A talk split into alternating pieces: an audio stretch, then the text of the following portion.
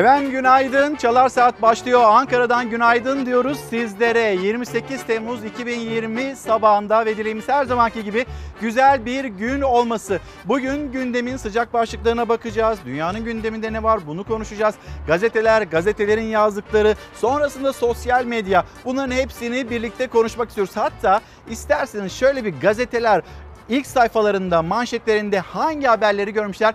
Hızlı hızlı sizlere bir göstereyim. Cumhuriyet Gazetesi ile başlayalım. Cumhuriyet Gazetesi hafta sonunda e, Cumhuriyet Halk Partisi'nin gerçekleştirmiş olduğu kurultay, o kurultayı manşetine taşıdı. Delege e, parti yönetimine nasıl bir sürpriz yaptı ve CHP lideri e, Kılıçdaroğlu'nun bir listesi vardı, anahtar listesi. O listeyi kimler deldi? Birazdan bunu paylaşacağız. Hürriyet Gazetesi, Cumhuriyet göz bebeğimiz bu cümle AK Parti sözcüsü Ömer Çelik'e ait ve Elbette hatırlayacaksınız sizler de herkesin hafızasına da kazındı Diyanet İşleri Başkanı'nın açıklamaları. E, Ayasofya'nın cami olarak ilk hani faaliyete geçtiği ve işte cuma namazında e, Diyanet İşleri Başkanı'nın kurmuş olduğu lanet içeren ifadeler ve bu ifadelerden sonra başlayan bir hilafet tartışması ve AK Parti sözcüsü e, Ömer Çelik tartışmaları bitirebilmek adına Cumhuriyet bizim göz bebeğimiz çıkışını yaptı. Sabah gazetesine baktığımızda yine Ayasofya var.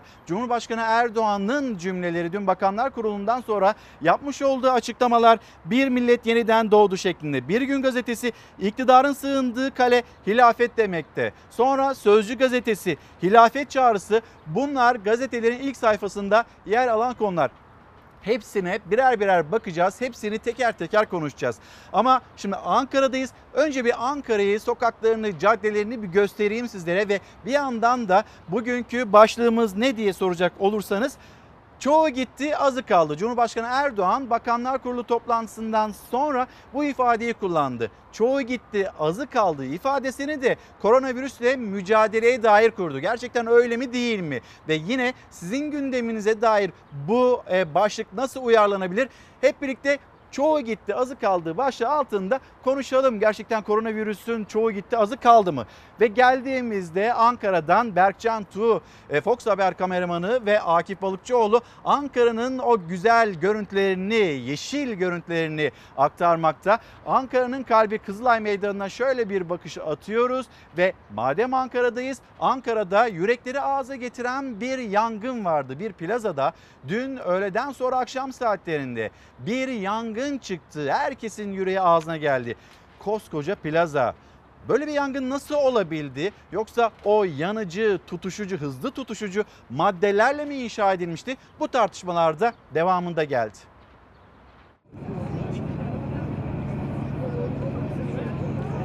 Çok katlı iş merkezinin hemen alt katlarında başladı yangın ve hızla üst katlara doğru sirayet etti. Ankara'nın Çankaya ilçesinde plazaların bulunduğu Söğüt Özü'ndeki iş merkezlerinden birinde çıktı yangın. Saat 17.30 sularında çok katlı plazanın dış cephesinden alevler yükselmeye başladı.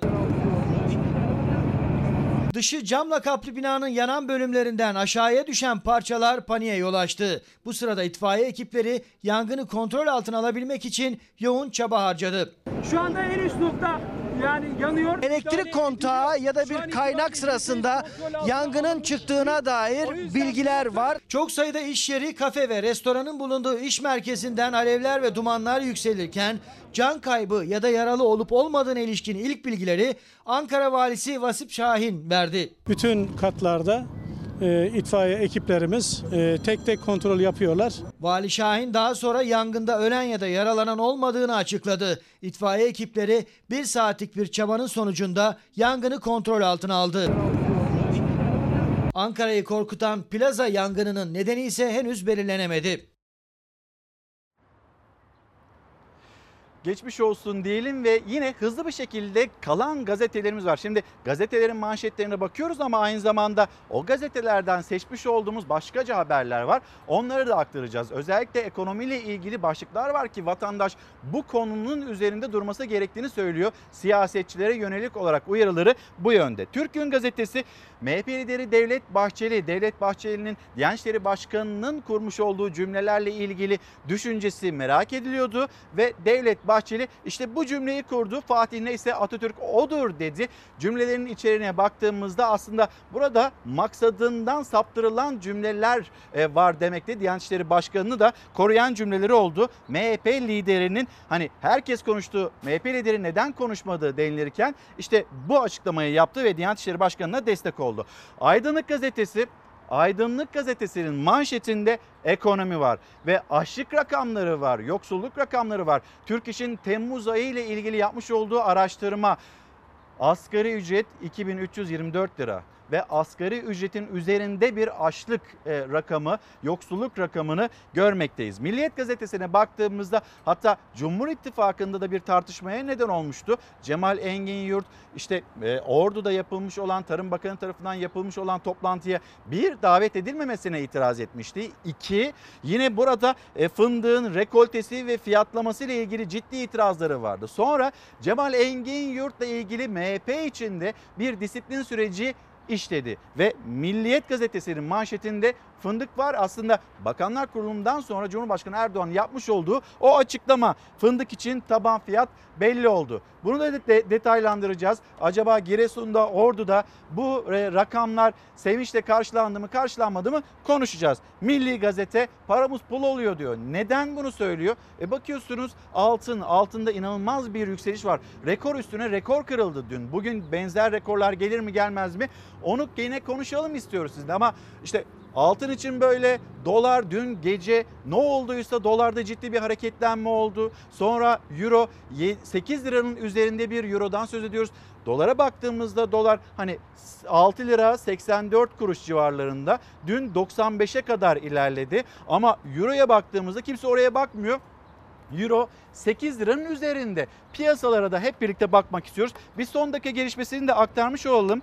Ee, hani biliyorsunuz her bayramda da zaten karşılaştığımız bir durum ve yine Cumhurbaşkanlığı kararı e, açıklandığı resmi gazetede de yayımlandı. Kurban Bayramı tatil nedeniyle Karayolları Genel Müdürlüğü sorumluluğu altında bulunan Karayolları Genel Müdürlüğü Müdürlüğü sorumluluğu altında bulunan otoyollarla 15 Temmuz Şehitler Köprüsü ve Fatih Sultan Mehmet Köprüsü'nden geçişler 30 Temmuz Perşembe günü gece yarısından 4 Ağustos Salı günü saat 7'ye kadar ücretsiz olacak. Aynı şekilde belediyeler ve bunların kurdukları birlik, müessese ve işletmelerce yürütülen toplu taşıma hizmetleri ile Başkent Ray ve Marmaray seferlerinden 31 Temmuz Cuma günü gece yarısından 3 Ağustos Pazartesi gece yarısına kadar ücret alınmayacak. Bu bilgileri de aktarmış olalım ama yani hatırlatmak gerekecek olursa Karayolları Genel Müdürlüğü sorumluluğu altında bulunan otoyollardan, köprülerden bahsediyoruz. Yani hani yap işlet devlet modeliyle yapılan köprülerden mesela Yavuz Sultan Selim Köprüsü'nden bahsetmiyoruz ya da Osman Gazi Köprüsü'nden bahsetmiyoruz. Karayolları Genel Müdürlüğü'nün sorumluluğundaki e, adreslerden, köprülerden, otoyollardan söz ediyoruz. Ve gelelim şimdi başlığımız başlığımız çoğu gitti, azı kaldı. Cumhurbaşkanı Erdoğan'ın cümlelerinden çıkarttığımız bir başlıktır. Koronavirüsle ilgili acaba hani Ramazan bayramında gördük, Kurban bayramında da bununla karşı karşıya kalır mıyız diye herkes merak ediyordu. Bir kısıtlama olacak mı? İller bazında bir kısıtlama olacak mı? Sokağa çıkma kısıtlaması.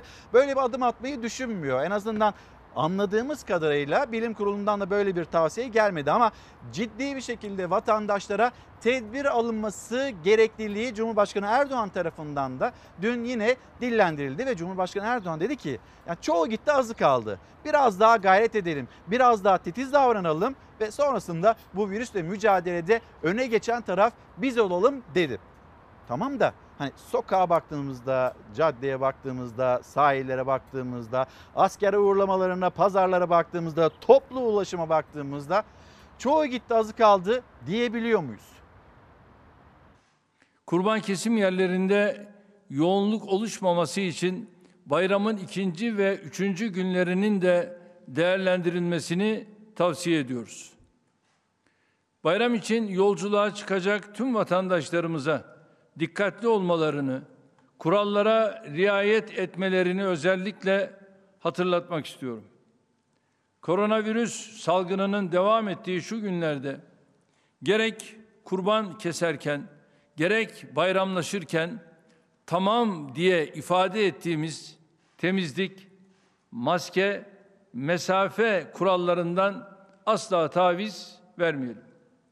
Sıkıntılı ve zahmetli olduğunu bildiğimiz bu kuralları kendimizin ve sevdiklerimizin sağlığı için harfiyen uygulayalım.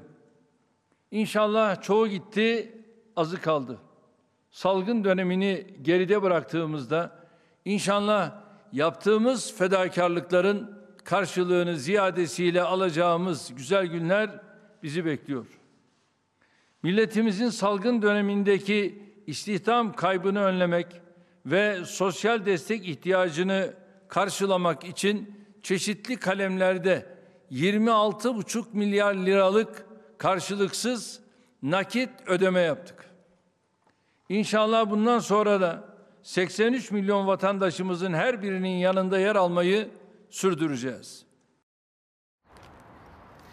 İlker Karagöz Fox e, Instagram adresim, Karagöz İlker Twitter adresim. Çoğu gitti azı kaldı başlığı altında. Bize görüşlerinizi, düşüncelerinizi, sizin gündeminizde olan konuyu yazıp gönderebilirsiniz. Bir Cumhuriyet Gazetesi ile başlayalım. Gazete turuna gazetelerden seçmiş olduğumuz haberleri aktaralım sizlere. Dengeli ve olağan listede şaşırtan sonuç. Delege sürprizi Cumhuriyet Gazetesi'nin manşeti. O isimler parti meclisine giremedi. CHP'nin 37. olağan kurultayında Genel Başkan Kılıçdaroğlu'nun olağan kabul edilen anahtar listesine karşın parti meclisi seçimi delegenin sürpriziyle sonuçlandı. Tuncay Özkan, Ünal Çeviköz, Yıldırım Kaya delege tarafından çizildi. Aykut Erdoğdu kota nedeniyle parti meclisine giremedi. Yani aslında bu isimleri sayıyoruz. CHP lideri Kemal Kılıçdaroğlu'nun en yakınındaki isimler yani A takımından isimler kurmaylardan söz ediyoruz.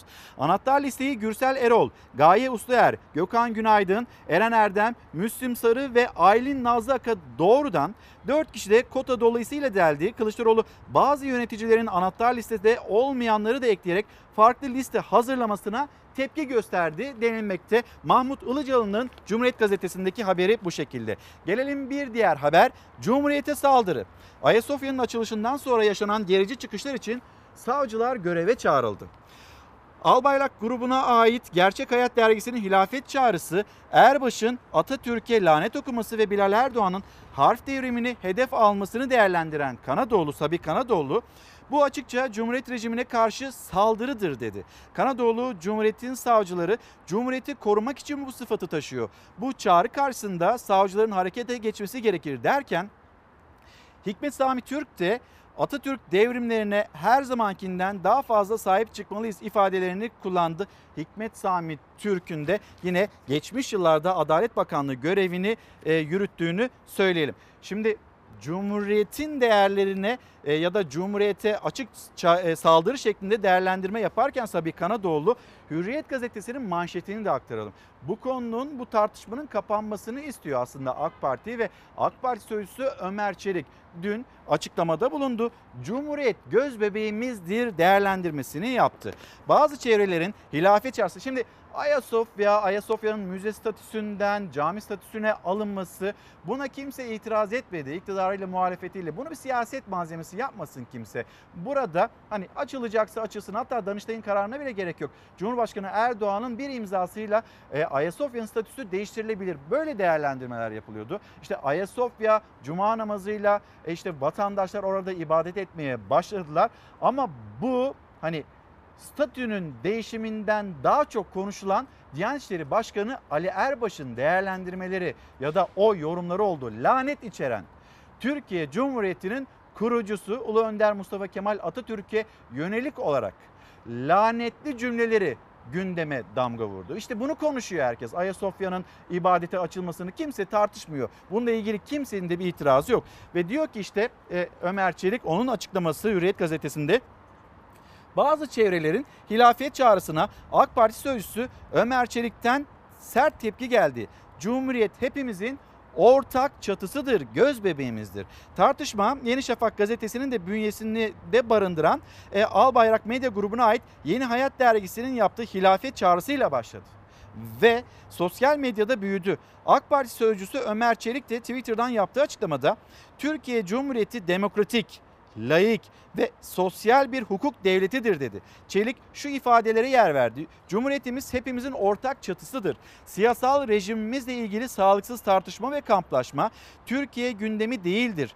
Cumhuriyetimiz milletimizin asırlara dayanan büyük devlet geleneğinin birikimi ve billurlaşmış halidir. Türkiye Cumhuriyeti ilelebet payidar kalacaktır. Atatürk'ün cümlelerine de atıfta bulunarak bu tartışmanın bitmesini istiyor. Bu tartışmanın kimseye bir fayda getirmediğini düşünüyor AK Parti, AK Parti sözcüsü Ömer Çelik. Şimdi korona gündemine geri döneceğiz. Birazdan bu tartışma yani siyasetin konuştuğu konular buna geleceğiz. Hatta Ömer Çelik Türkiye'nin gündeminde böyle bir konu böyle bir başlık yok demekte. Türkiye'nin gündeminde özellikle hangi konunun olduğunu ben sizlere sordum ama e ben de söyleyeyim netice itibariyle Türkiye'nin gündeminde öncelikli gündeminde olması gereken konu başlık bir kere ekonomi, bir kere işsizlik, bir kere hayat pahalılığı. İşte açlık yoksulluk rakamları ortaya çıktıkça ne kadar ciddi bir tablonun içinde olduğumuz Türk lirasının dolar karşısında, euro karşısında, hadi dolar karşısında belirli bir seviyede tutuluyor. Ama işte euro karşısında, sterlin karşısında, altın karşısında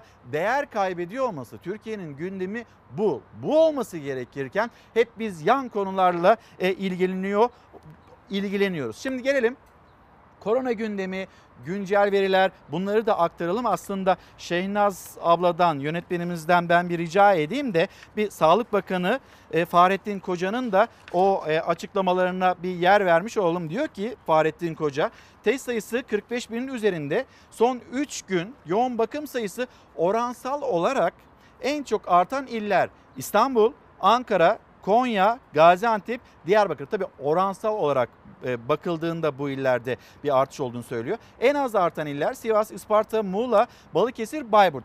21 ilimizde son 3 gün yoğun bakım hastamız olmadı. Bunlar güzel haberler. Yani hani çoğu gitti azı kaldı dedirtecek haberler. Ama diğer yandan da işte bakıyorsunuz tabloya hala böyle 900'ler seviyesinde bir vaka sayısıyla karşılaşıyor olmamız. İşte 919 dünün itibariyle ortaya çıkan tablo bu şekilde. İyileşen hasta sayısı 982. Bu verilerle, bu rakamlarla şimdi biz Kurban Bayramı, Kurban Bayramı'nda dikkatsiz davranırsak yeni bir dalgayla karşı karşıya kalabiliriz. Yapılan değerlendirmelerden bir tanesi bu. Bayramlaşmayı uzaklardan yapalım denilmekte bilim kurulu üyeleri tarafından. E yine 31 Ağustos tarihinde okullar açılacak. Okulların nasıl açılacağı ile ilgili Milli Eğitim Bakanı'nın e, Ziya Selçuk'un değerlendirmeleri var, açıklamaları var. Ama okullar açıldıktan sonra yine bir bulaşla e, karşı karşıya kalacağız. Dünyada baktığımızda pek çok ülkede yeni yeni ikinci dalgalarla karşı karşıya kalınıyor. Avrupa'da koronavirüsle en iyi mücadele eden ülkenin Almanya olduğunu defalarca gördük. İstatistikler bunu söylüyor, söyledik. Ama Almanya'da yine bu vaka sayısında artışla ciddi bir kırmızı alarm seviyesine doğru yaklaşma var. Tüm bunlar yaşanılırken çoğu gitti azı kaldı cümlesinin altı Türkiye için doluyor mu dolmuyor mu bir kez daha soralım ve hemen Türkiye'nin koronavirüs tablosuna bakalım. gençlerde hafif atlatılıyor şeyi tamamen yanlış bir olgu. İnsan hastalık başına gelince anlıyor bunu. Soranlara şöyle tarif ediyorum sürekli. Yani birisi boğazınızı sıkmış, siz nefes almaya çalışıyorsunuz. Covid-19'un hissettirdiklerini tek cümleyle böyle anlattı. Boğazımı sıkıyorlar gibi hissediyordum diyerek. Oysa gençti, sağlıklıydı ama sanıldığı gibi hiç de hafif atlatamadı. Nefes bile alamadı. Aile hekimi Doktor Muzaffer Aşık hastanede 10 gün yoğun bakımda olmak üzere 25 günden fazla tedavi gördü. O iyileşti ama vaka sayılarının düşmemesi nedeniyle kaygılı. Yaşadığı sıkıntıları ise unutamıyor. Hiçbir engel yok. Ee, nefes almak istiyorum ama e, yani ağzımın iç- içinde dönüyor sürekli aldığım nefes. Yani akciğerlerim e, bu hastalıktan dolayı dolu olduğu için e, nefesi içime çekemiyordum o dönemde. Su dolu bir balonun içine üflediğiniz zaman hani balon dolu olduğu için şişmiyor. Yani bu şekilde bir e, mekanizma var yani akciğerlerle ilgili. Onun hissettiklerini yaşayan yüzlerce kişi var ülkede. Koronavirüs tablosu hala bin sınırında. 27 Temmuz günü 919 kişide koronavirüs tespit edildi. 17 kişi hayatını kaybetti. Amasya'da aile hekimi olarak görev yapan Muzaffer Aşık da çoğu zaman sohbetlerde, haberlerde rakam diye geçilen o hastalardan biriydi. 37 yaşında hiçbir sağlık problemi yoktu. Haftada iki kez spor yapan, beslenmeme dikkat ederim. Yani kendimi sağlıklı bir birey olarak görürdüm. Kesinlikle öyle düşünmesinler. Bana bir şey olmaz demeyin. Ben sağlıklıyım, gencim. Hastalığı hafif atlatırım diye düşünmeyin. E, Kesinlikle öyle bir e, durum yok.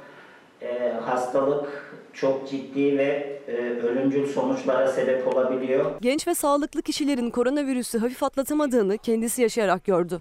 Mart ayında koronavirüs salgınının hızla yayıldığı dönemde önce mesai arkadaşı yakalandı Covid-19'a. Kendi yaptırdığı testte pozitif çıkınca hemen tedavisine başlandı ancak hastalık ağırlaştı. 3-4 günü yoğun bakımın bayağı sıkıntılı geçti. Nefes darlığı en e, ileri aşamadaydı. Oksijen satürasyonu dediğimiz değerler bayağı düşmeye başladıydı. 4 günü çok ağır, 10 günü yoğun bakımda toplam 25 gün yatarak tedavi gördü doktor Aşık. Hastalığın acısını çeken biri olarak herkesi uyardı. Önlemlere dikkat etmemiz gerekiyor. Bana bir şey olmaz, ben sağlıklıyım e, diye düşünmesin hiç kimse. Maskeli sosyal mesafe kuralını kesinlikle uygulasınlar. Sizlerden gelen mesajlar var. Çoğu gitti, azı kaldı başlığı altında konuşuyoruz demiştik. Instagram'dan ve Twitter'dan neler göndermişsiniz? Hemen şöyle bir hızlı hızlı bakalım. Sonra gazete turumuzu da devam ettirelim. Çoğu gitti, azı kaldı diyor Arzu Eratak. Keşke vatandaşın sıkıntıları için de e, bunu söyleyebilmek ve içinde bulunduğu hayat şartlarının zorluğu içinde bu cümleyi kurabilsek demekte Arzu Eratak. Şimdi bakıyorsunuz açlık rakamlarına, yoksulluk rakamlarına 2324 liranın asgari ücretin üzerinde bir açlık rakamından e, söz ettiğimizde hani çoğu gitti azı kaldı diyebiliyor muyuz? Keşke bunu da söyleyebilsek diyor Arzu Eratak. Güler Hanım günaydın sizlere de. Üretici olarak yazıyorum. Denizli Baktan Ovası'nda mahsuller yanıyor. Bizden 3 suyun parasını peşin olarak aldılar. Şu an 2 suyu dahi vermediler demekte. Hemen bir isminize de bakayım. Aycan Ekici'nin görmüş göndermiş olduğu mesaj bu şekilde. Metin Bey günaydınlarımızı iletelim. Demet Akgüz bir sorar mısınız bu yardım paketleri ya da bu destekler, krediler kimlere gitti? Bize 3 ay boyunca bu yardımlar, destekler uğramadı demekte. Evet hani esnaf da bu konuyla ilgili ciddi sıkıntılar yaşıyor. Bazen hani burada da ağırlıyoruz bendeyi falan döken esnafların başkanı yani daha fazla destek olunması gerektiğini söylüyor. Bir arkadaşım var Çanakkale'de e, Ceyhun Yeni kuaför salonu var. Orada berberlik yapıyor. Bir delikli kuruş yardım gelmedi demekte. Yani kuaför esnafının sıkıntısını da yine e, Ceyhun'un bana anlattığı üzerinden sizlere e, aktarmış olayım. Bir delikli kuruş yardım gelmez mi? Gelmedi. Biz bu süreci nasıl geçirdik? Kimse dönüp e, soruyor mu bize acaba diyor. Melek Hanım çok sağ olun. Teşekkürler. Hoş bulduk. Sizlere de selamlarımızı iletelim ve şimdi gelelim hani gazetelerle devam edelim. Çoğu gitti azı kaldı. Ekonomi için de söyleyebilsek keşke demekteydi Arzu Hanım. Temmuz verilerine maşallah. Hani bugün acaba hay maşallah mı desek? Bir yandan da çoğu gitti azı mı kaldı desek bu iki başlık arasında kalmıştık. Çoğu gitti azı kaldıyı seçtik. Diyor ki Hazine ve Maliye Bakanı güven endeksleri Temmuz'da artışını sürdürdü. Hizmette %20.2, Peraken, para, perakendede %9.6, inşaatta %11.6. Yani bu sonuçlar hay maşallah dedirtiyor demekte Berat Albayrak.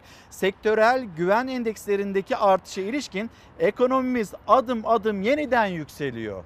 Ekonomi giderek güzelleşiyor. Hani uçacağız demiştik ya hani bu e, Cumhurbaşkanlığı hükümet sistemine geçildiğinde bu cümleler kurulmuştu ekonomiyle ilgili. Ekonomi uçacak denilmişti. Özgürlükler, demokrasi, demokrasinin standartları uçacak denilmişti. Sene 2020 ekonomide ciddi sıkıntılar yaşanırken şimdi mesela ekonomimiz adım adım yeniden yükseliyor. Temmuz verilerine maşallah açıklamasını yaptı. Siz ne düşünüyorsunuz?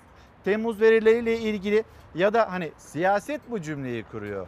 Siz de bizim evimizdeki ekonomide hay maşallah dedirtecek noktada mı? Sizler de bir yazıp gönderin lütfen. Hürriyet gazetesi dün burada maalesef son dakika bilgisini paylaşmıştık ve e, Mersin'in Mut ilçesi Sertavul yokuşu o geçitte meydana gelen trafik kazası askerlerimiz işte Mersin üzerinden Kuzey Kıbrıs Türk Cumhuriyeti'ne e, gideceklerdi ve onları taşıyan otobüs şarampole e, yuvarlandı. Acı bir kaza meydana geldi. Acı kazada da 4 askerimiz şehit oldu. Manisa'dan Kuzey Kıbrıs Türk Cumhuriyeti'ne sevk edilen askerleri taşıyan otobüsün Mersin'de freni boşaldı. Otobüs şarampole yuvarlandı. Kazada 4 asker şehit oldu, 27 asker yaralandı. İki şoför de yaşamını yitirdi. Milli Savunma Bakanı Hulusi Akar, evet dün bu kaza meydana geldikten hemen sonra Milli Savunma Bakanı Hulusi Akar orada askerlerimizin yanındaydı. Hem bu kaza nasıl oldu bunun bilgisini almak için hem yaraları sarmak için hem de işte bir yandan şehitlerimizin yanında olmak için. Şimdi sizleri o kazaya götüreceğiz. Bugün maalesef e, müessif bir elin bir kazayla uyandık. Şehitlerimiz var. Dört askerimiz, iki de sivil şoförümüz hayatını kaybetti. Sivil otobüs Kuzey Kıbrıs Türk Cumhuriyeti'ne sevk edilen askerleri taşıyordu. İddiaya göre freni boşaldı, kontrolden çıkıp şarampole devrildi. Türkiye'nin yüreğini yakan kazada 4 asker şehit oldu, 2 şoför hayatını kaybetti. 27 asker de yaralandı. Bu kadar e, önem verdiğimiz halde, bu kadar tedbir aldığımız halde bu kazanın meydana gelmesi bizi hakikaten derinden üzmüştür. Acemi Birliği'ndeki eğitimlerini tamamlayan askerler Manisa Alaşehir'den pazar günü saat 21.45'te sivil otobüsle yola çıktı. Anadolu Ajansı'nın haberine göre istikamet Mersin'in Silifke ilçesindeki taşucu limanıydı. Oradan da Kuzey Kıbrıs Türk Cumhuriyeti'ne sevk edileceklerdi. Otobüs saat 7.20 sularında Mersin'in Mut ilçesine bağlı Sertavul geçidi yakınlarında şarampole yuvarlandı. 4 asker olay yerinde şehit düştü. Otobüsün iki şoförü de hayatını kaybetti. 27 asker yaralandı. Hastanelere kaldırılan yaralı askerlerden 4'ü yoğun bakımda. Milli Savunma Bakanı Hulusi Akar kaza haberini alır almaz Kara Kuvvetleri Komutanı Orgeneral Ümit Dündar'la birlikte Mersin'e gitti. Kaza yerinde incelemelerde bulundu. Yaralı askerleri ziyaret etti. İlk aldığımız bilgilere göre e, araçta bir teknik arıza meydana geldiği ve frende bir problem olduğu, e, frenin e, de bir boşalma söz konusu olduğuna dair e, görgü tanıklarından e, yaptığımız görüşmelerde gerekli bilgiler aldık. Akar otobüsün kazadan önce Afyonkarahisar ve Konya'da olmak üzere iki kez mola verdiğini söyledi.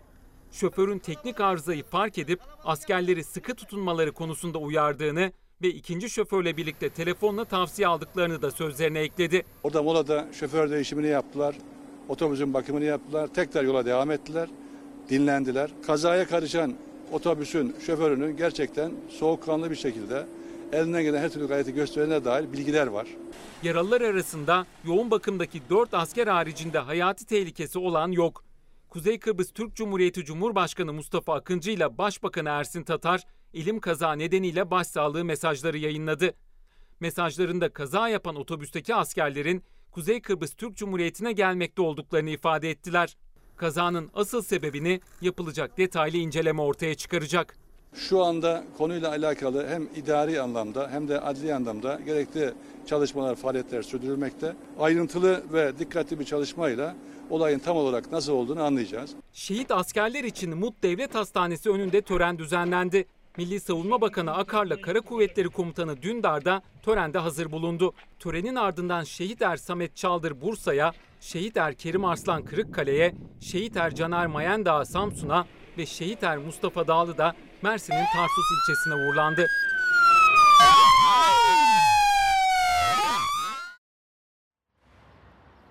Mehmet Bey, Mehmet Erdemli aracılığıyla bir Niğde'ye günaydın diyelim. Hızır Ayvazoğlu, Ahmet Erünal bizlere günaydın diyen izleyicilerimiz arasında Twitter'dan yazmış Hasan Can Bakış'ta.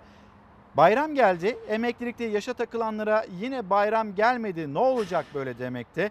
Caner Özduran gündeminde altın var. Altın iki ucu keskin bıçak. Yani ne olacağını kestirmeye çalışan bir izleyicimiz.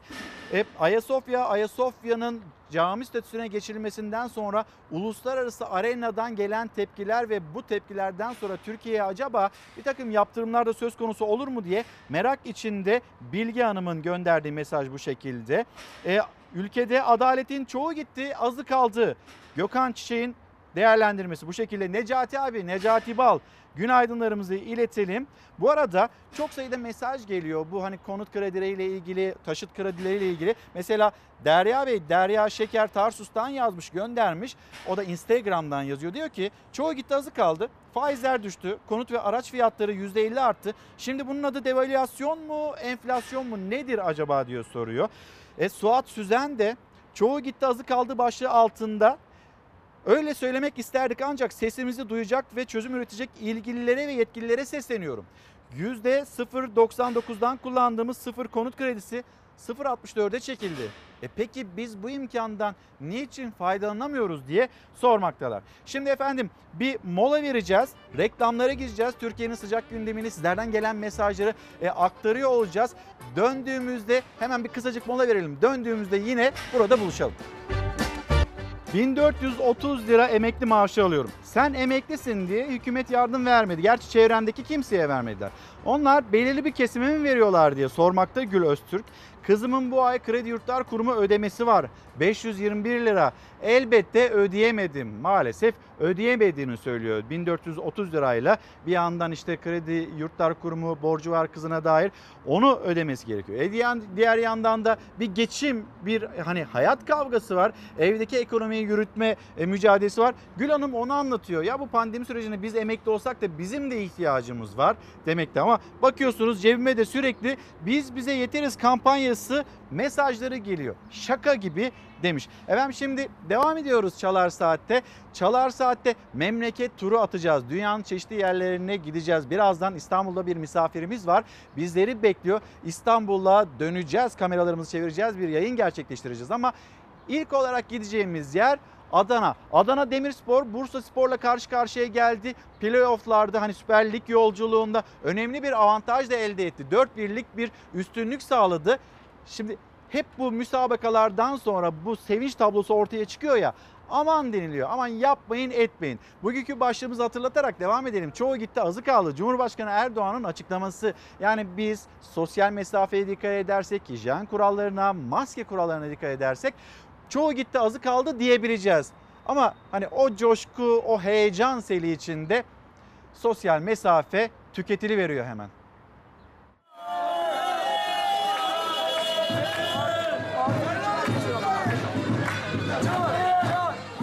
Sokaklarda dans ettiler, birbirlerinin omuzlarına, arabaların üstüne çıktılar. Adana Demirspor evinde Bursa Spor'u yenerek finale yükseldi. Sokaklara taşan coşku virüs gerçeğini bir kez daha unutturdu. TFF birincilik ekiplerinden Adana Demirspor playoff yarı final ikinci maçında Bursa Spor'u 4-1 mağlup etti. Finale yükseldi. Maçın bitiş düdüğü çaldığında taraftarlar zaman kaybetmeden sokaklara döküldü.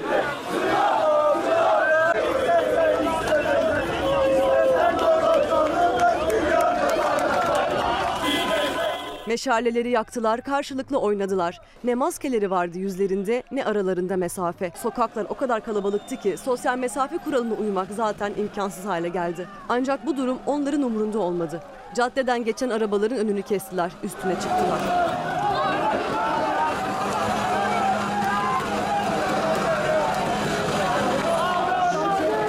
Emniyet Müdürlüğü, halk sağlığı, kamu düzeni gibi sebeplerle 27 Temmuz'u 28'ine bağlayan gece itibariyle kutlama, gösteri gibi sokak faaliyetlerinin 3 gün yasaklanacağını duyurdu.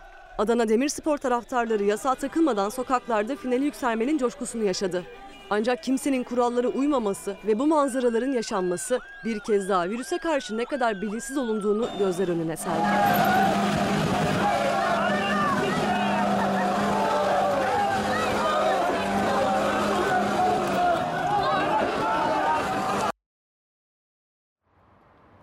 Adana'dan Ankara'ya döndüğümüzde Ankara'da şu saat itibariyle havanın böyle parçalı bulutlu, biraz bulutlu olduğu bilgisini paylaşalım. Bugün en yüksek derece Ankara'da e, şöyle 28 derece, 30 derece dolaylarında olacak. Rüzgarlı bir sabaha uyandık başkent Ankara'da. Hemen bir gösterelim Ankara, Ankara'nın yeni günü nasıl başlıyor?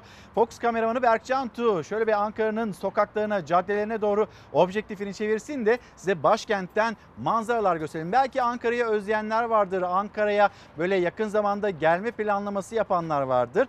Onlar için Ankara'yı şöyle bir gösterelim.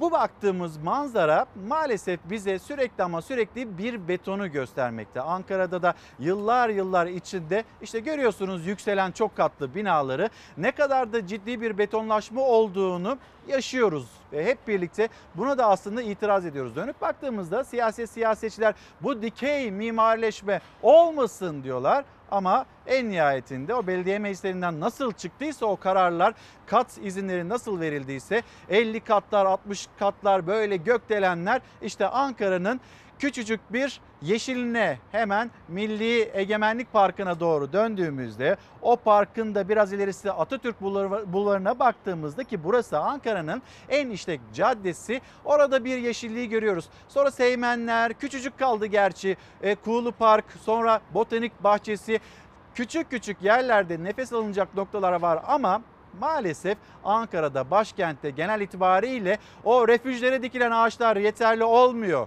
O refüjlere dikilen ağaçları da yeşilden sayıyorlar ama yeterli olmuyor. Neticede o ağacın altına eğilip de çömelip de nefes alınamıyor trafiğin tam ortasında e, akıp giden ciddi bir trafik varken.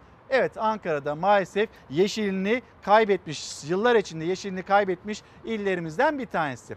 Hadi gelelim oradan da bir memleket havasını aktaralım sizlere. Meteoroloji iki ili kuvvetli yağış nedeniyle uyardı.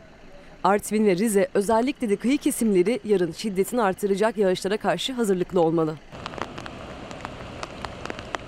Yurdun kuzeydoğusu haftaya yağmurla başladı, yağmurla sürdürecek. Ama bugüne özellikle dikkat. Artvin ve Rize çevresi için uyarı verildi.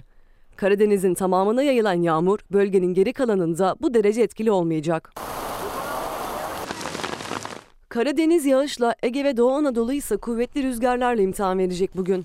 Kıyı Ege, Doğu Anadolu'nun güney ve batısı, Güneydoğu Anadolu'nun kuzey kesimleri ve Doğu Karadeniz'in iç ve yüksek kesimleri kuvvetli rüzgarın etkisi altında olacak. Hatta rüzgar zaman zaman fırtınaya dönüşecek. Öğle saatlerinden sonra Van Gölü'nde de fırtına bekleniyor.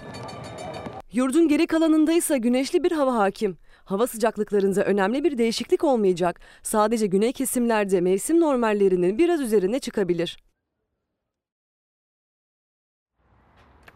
Şimdi de Ankara'dan bir İstanbul'a dönelim. İstanbul'da misafirimiz var. Şişli Belediye Başkanı Muammer Keskin. Efendim günaydın. Beni duyabiliyor musunuz? Günaydın İlker Bey. Çok güzel duyuyorum. Sizi görmekten de büyük keyif aldığımı ifade ederim.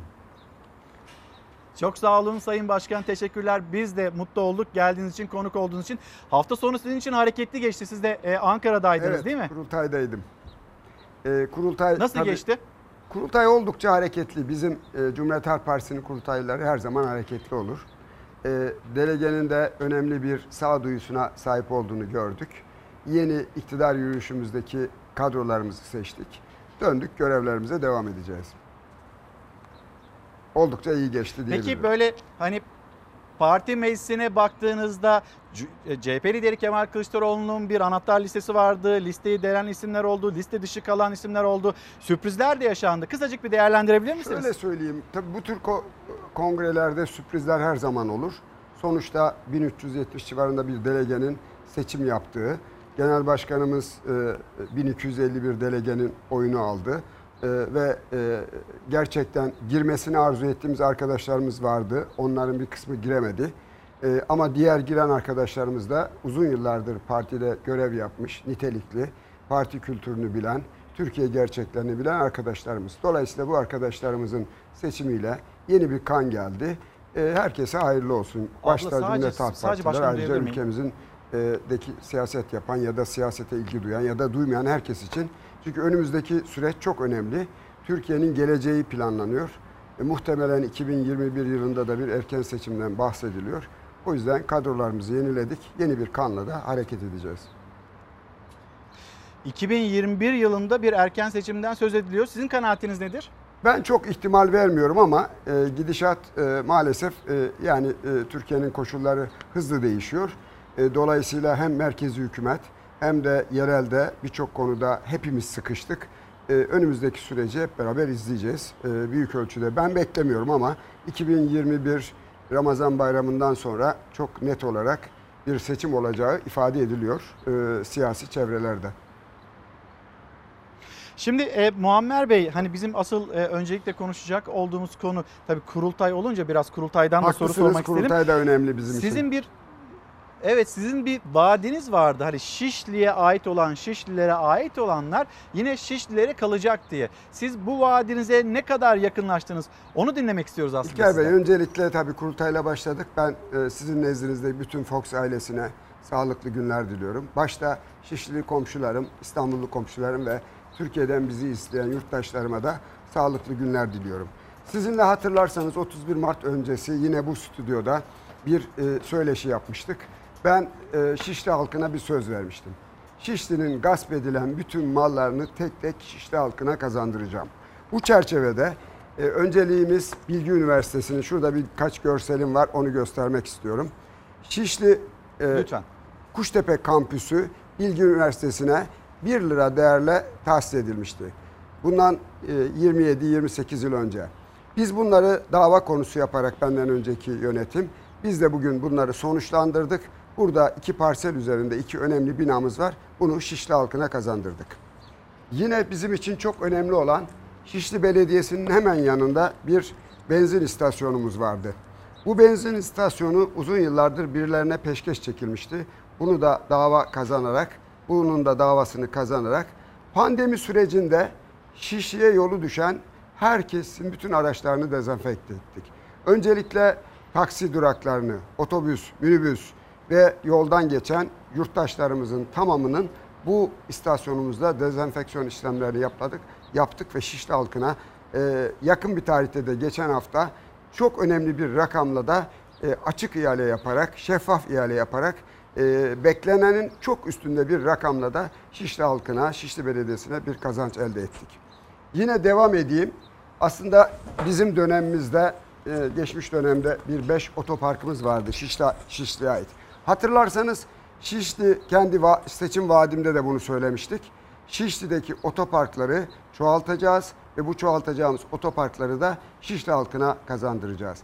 Bizim de bir şekilde işgal altında olan bu 5 otoparkımızı yine hukuk savaşı vererek kazandık ve şu anda Şişli halkının e, kullanımına açtık. Önümüzdeki günlerde de bir reorganizasyon yapıp yeniden yapılandırmasını sağlayacağız. Yine 31 Bu arada Mart tabii sadece bunlarla kalmıyoruz. 31 Yeni Mart binalar seçimleri kazandırmaya çalışıyoruz. Sayın Başkan. efendim pardon Şimdi 31 Mart seçimleri öncesinde siz lütfen devam etmenizi isteyeceğim ama en böyle revaçta olan vaat hani kreşlerdi. Kreşlerle ilgili hani nasıl bir noktaya vardınız? Hah tamam. Şimdi efendim biz sadece mevcutları e, geçmiş dönemde işgal altında ya da gasp edilmiş yerlerimizi almakla kalmadık.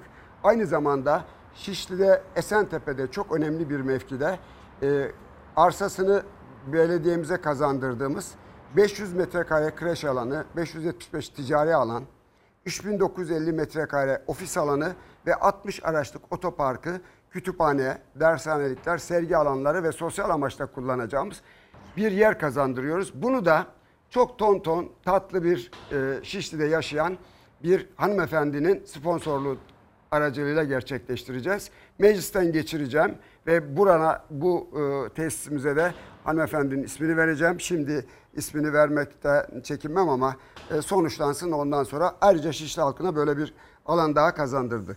Yine kreşlerle ilgili iki tane yeni kreş açtık ama pandemi sürecinde onları e, açamadık. E, Eylül'de pandeminin gidişatını netleştirdiğimiz zaman iki yeni bir de Esentepe'de yapacağımız kreşte de üçüncü kreşimizi açmış olacağız. Yine e, Sayın Başkan o zaman bir buyurun. Bir Buyurun. pandemi gündemi, pandemi sürecinde işte az önce bir emeklimiz yazıyor. Yani hani biz bize yeteriz kampanyası ile ilgili bize mesajlar geliyor ama ben emekliyim ve benim aldığım maaş 1430 lira. E ben bile geçinemiyorum. Bunun sıkıntısını doğru. yaşıyorum demekte. Çok E doğru. Şişli'de esnaflar var ve onların yaşadığı problemler var. Siz bu pandemi sürecinde onlar için neler yaptınız? Şöyle söyleyeyim. E, bir kere öncelikle kendi dünyaya bakışım nedeniyle, hayata bakışım nedeniyle biz pandemi sürecinde asla reklamla, reklam kokan eylemlerden uzak durduk. E, çok ciddi olarak e, öncelikle Şişli'de yaşayan yurttaşlarıma, göçmenlere, mülteciler olmak üzere tüm dal gelirli yurttaşlarımızı komşu masaya müracaatlarını alarak onlara hak temelli destek ulaştırdık. Kimileri yardım diyor. Ben bu yardımı çok doğru görmüyorum. Ve bütün hanelere girdik. Özellikle ihtiyaç sahibi olan bütün hanelere binlerce, burada sayısını vermekten bile utanırım. e, bize müracaat eden tüm yurttaşlarımıza gerek hijyen paketi, gerek yiyecek içecek paketi bizzat kendi ekiplerimiz tarafından e, 10 binleri geçen rakamlarla onlara ulaştırdık. Yine aynı dönemde aşevimizi daha e, iyi bir şekilde yeniledik ve e, bizden sıcak yemek talebi bulunan bütün komşularımıza da aşevi üzerinden e, bu süreci hayata geçirdik. Buradan hemen e, pandemi sürecinde e, yapılan bütün 39 ilçe belediyeler içerisinde en başarılı belediyeler Cumhuriyet Halk Partisi'nin belediyeleridir. Ben de onlardan bir tanesiyim. Dolayısıyla biz e, öncelikle e, yoksul, dar gelirli ve ihtiyaç sahibi olan yurttaşlarımızın tespitini hak temelli yaptık ve onlara ulaşmaya çalıştık. Bu konuda da e, gerçekten çok önemli bir işlevi hayata geçirdiğimize inanıyorum e, İlker Bey. Şimdi Sayın Başkan e, sözlerinize devam etmenizi isteyeceğim ama bir izleyicilerimizi e, hafta sonu gerçekleşmiş olan Cumhuriyet Halk Partisi'nin Tamam. kurultayına özellikle pazar günü gerçekleşmiş olan e, o parti meclisi e, seçimine götürelim. Oradan bilgiler verelim. Çünkü Memnuniyetle. CHP lideri Kılıçdaroğlu'nun A takımından bazı isimler parti meclisine giremediler. Ya kotaya takıldılar ya da delegenin sürpriziyle karşı karşıya kaldılar. Kimler listeyi deldi, kimler parti meclisine girdi, kimler dışarıda kaldı bir paylaşalım. Memnuniyet. Sonra son sözleriniz için tekrar İstanbul'a döneceğim. Birkaç ben. tane şey slaytım var onu göstermek istiyorum. Tamam.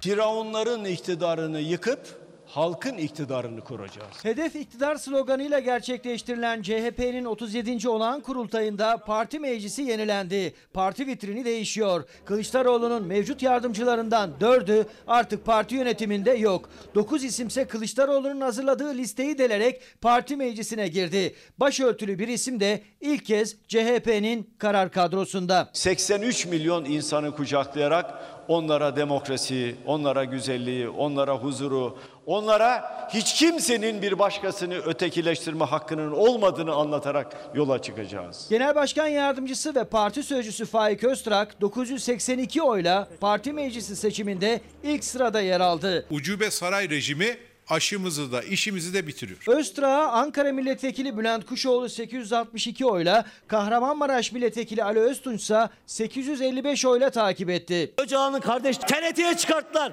İstanbul seçimini alacağız diye. Bu günah da size yeter size. Parti meclisine girebilecek oyu aldıkları halde parti tüzüğü gereği %20'lik gençlik, %33'lük cinsiyet kotasına takılan 10 isim dikkat çekti. Kota nedeniyle liste dışı kalan o isimler arasında Akif Hamza Çebi, Sezgin Tanrıkulu, Cemal Can Polat, Mehmet Ali Çelebi ve Aykut Erdoğdu var. Kılıçdaroğlu'nun kurmay ekibinden Tuncay Özkan, Yıldırım Kaya ve Ünal Çeviköz gibi MYK'dan önemli isimler 52 kişilik PM'ye girecek oyu alamadıkları için liste dışı kaldılar. Genel Başkanımız hakikaten parti meclisi listesini hazırlarken bir takım ayrışma, parti içi küçük kutuplaşmaların önüne geçecek denge gözeten kıymetli bir liste yapmış. Gürsel Erol, Eren Erdem, Gökhan Günaydın, Gaye Usluer, Aylin Nazlı Aka, Müslim Sarı, Hakkı Süha Okay ise aldıkları yüksek oylarla Kılıçdaroğlu'nun anahtar listesini delerek parti meclisine girmeyi başaran isimler oldu. 4 yıl önce bir milletvekilinin odasından Atatürk resminin indirilmesi tartışmaları yüzünden partiden ihraç edilen yine uzun tartışmalardan sonra partiye dönen Aylin Nazlı Aka PM'ye girmeyi başardı. Biz bunu ilk kez yaşamıyoruz. Selin Sayek Böke delegelerden en yüksek oyu alan kadın aday olarak yine listede yer aldı. Beni bu noktaya getiren şeyin de çalışkanlığım olduğunu düşünüyorum. Beykoz İlçe Örgütü'nde de atom karınca olarak biliniyorum. Kurultayın en dikkat çeken isimlerinden Sevgi Kılıç ise CHP tarihinde parti meclisine seçilen ilk başörtülü isim oldu. Kılıç oy sıralamasından aşağıdaydı ama hem kadın hem de gençlik kotasından girdi PM'ye. CHP'nin yenilenen parti meclisinde 18 kadın 7 genç yer aldı. En geç 2023'te Cumhuriyetimizi demokrasiyle taşlandıracağız. 60 kişilik parti meclisinin şekillenmesiyle birlikte gözler 18 kişilik MYK'ya çevrildi. Gidenlerin yerine kimler gelecek? Yeni parti vitrininde hangi isimler yer alacak sorusunun yanıtı için gözler bayram sonrası Kılıçdaroğlu'nda. Gözler şimdi bayram sonrası Kılıçdaroğlu'nda A takımını belirleyecek. CHP lideri Kılıçdaroğlu e, ortaya çıkmış olan parti meclisi ya da o isimler üzerinden. Şimdi tekrar devam edelim. Birkaç slaytım daha var dediniz Evet, Sayın Başkan. Onları da görmek isteriz. İlker Bey, bir e, sadece Şişli'nin mallarını Şişli'ye kazandırmakla yetinmedik. Aynı zamanda yeni alanlar, kültürel alanlar aşmaya başladık. Örneğin Abdi İpekçi Caddesi dünyanın önemli bir caddesidir. Bu caddeyi yeniden Abdi İpekçi Derneği, Şişli Belediyesi ve e, Büyükşehir Belediye Başkanım Ekrem İmamoğlu'nun önderliğinde bu caddeyi uluslararası bir cadde haline getiriyoruz. Yeme içmenin, sanatın, kültürün merkezi olarak hayata geçecek. Yine e, çevreci komşu kart en çok önemsediğim projelerden biri. Bu Şişli, Şişli'de kadınlarımızı öne çıkaracak bir projedir. Evlerimizdeki atıkları toplayıp para puana çevirip hem kültürel açıdan hem öğrencilerimize burs vermek hem de kadınlarımızı pratikte hayata geçirmek ve kendi mahallelerimizdeki e, esnafımızdan da alışveriş etmesini sağlayacak bir kartı hayata geçiriyoruz.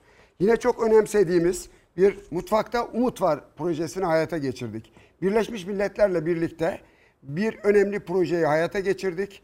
Aşevimizi yeniledik ve bugün çok güzel bir aşevine sahip olduk. Onlarca aşçı yetiştiriyoruz. Bu aşçıların bir kısmını bu bölgedeki e, restoran, lokanta ve otellere bir kısmını kendi uhtemizde değerlendireceğiz. Yeni iş alanları açmak üzere de bu tür projelerimizi tekrar hayata geçirmek için hızlıca devam edeceğiz. Yine Covid ile ilgili belediye binamızın anti mikrobiyal bakteri filmiyle kapladık. Bunu size şöyle göstermek istiyorum. Bu elimde gördüğüm film bizim Kore Seul şehrinin belediye başkanı tarafından bize Covid süresinde gönderilen ve asansörlerde, tuvaletlerde ve toplu yerlerde bu filmi kullandığımızda %90 Covid'den koruyor kendisini. Bir %10'luk kriter var. Onun için de yeni çalışmalar yapıyoruz. Buradan da Kore e, Seul Belediye Başkanı'na şükranlarımı sunuyorum sizin aracılığınızla. Yine en son olarak da şöyle söyleyeyim. Şişli'de Buyurun bir soru soracağım çünkü izleyiciler de bunu merak bitirip ediyorlar. hemen, Buyurun hemen sonuncu. bitiriyorum. Şişli'de 620 personel ve 77 aracımızla 7 gün 24 saat temizlik yapıyoruz. Buradan Şişlili komşularımdan bir ricam var. Sizin aracılığıyla duyurmak istiyorum. Şişli'yi temizlik açısından dünyanın merkezi yapacağımız bir şehir. Bazen sokaklara e, gün içerisinde 4-5 kere giriyoruz. Ricamız şudur. Belli saatlerde çöplerini bırakması için anons yapacağız. Yazılı belge göndereceğiz. Bunları dikkate almalarını rica ediyorum. Şişli Dünya Kenti günlük nüfusu 4 milyon, gece nüfusu 204 bin nüfuslu olan bir yer ama günde 400 ton İstanbul'da görünmeyecek şekilde bir çöp topluyoruz. Bu konuda komşularımın desteğine ihtiyacım var. Bu konuda sizin aracılığınızla e, sevgili Şişlili komşularımdan ricam e, Şişli'ye geldiğinde başka ilçelerden gelenler de Şişli'nin ne kadar temiz bir kent olduğunu görmelerini için bize yardımcı olurlarsa çok teşekkür ederim. Evet sorunuza. Şimdi Sayın Başkan özellikle hani esnaf esnaf e, destek istiyor. Bunlardan hani buna dair mesajlar geliyor. Yine mesela Sarven Bey yazmış. Sarven Uluk da diyor ki Şişli'de hani çok fazla böyle yeşil alan yok. O yeşil alanlarında böyle imara açılmasına lütfen izin verilmesin demekte. Ve Nuran Demirel Bilgin de kendisini dürüstlük anlamında seviyor ve takdir ediyoruz demekte sizin için. Ve diyor ki e, Şişli İzzetpaşa Mahallesi tapu sorununun nasıl çözüleceğini merak ediyoruz. Kısacık da bunu alayım sizden. Tamam şöyle söyleyeyim. Bir kere öncelikle bir Ankara panoraması gösterdiniz. E, beton kent. Evet. Şişli İstanbul'un 39 ilçesi içerisinde betonla boğuşan en birinci sırada gelen kentimiz. Bundan önceki dönemde gerçekten belediye, Şehircilik Bakanlığı ve Büyükşehir Belediyesi olmak üzere herkesin günahı var. Bunu bir kere bir yere koyayım. Ben geldiğimden bu tarafa yeşil alanlara dokunmamak için elimden gelen bütün çabayı sarf ediyorum. Tabii ki bizim önümüzde de bir yasal engeller var. Geçmiş dönemde çıkmış olan projeler varsa onlara engel olma şansına sahip değilim belediyenin olanaklarıyla. İzzetpaşa ve Kuştepe'de kentsel dönüşümle bu iki mahallemiz ayrıca Ok Meydanı ve başka mahallelerimiz de var. Yine e, Şişli halkına özellikle 10 mahallemize sözüm var.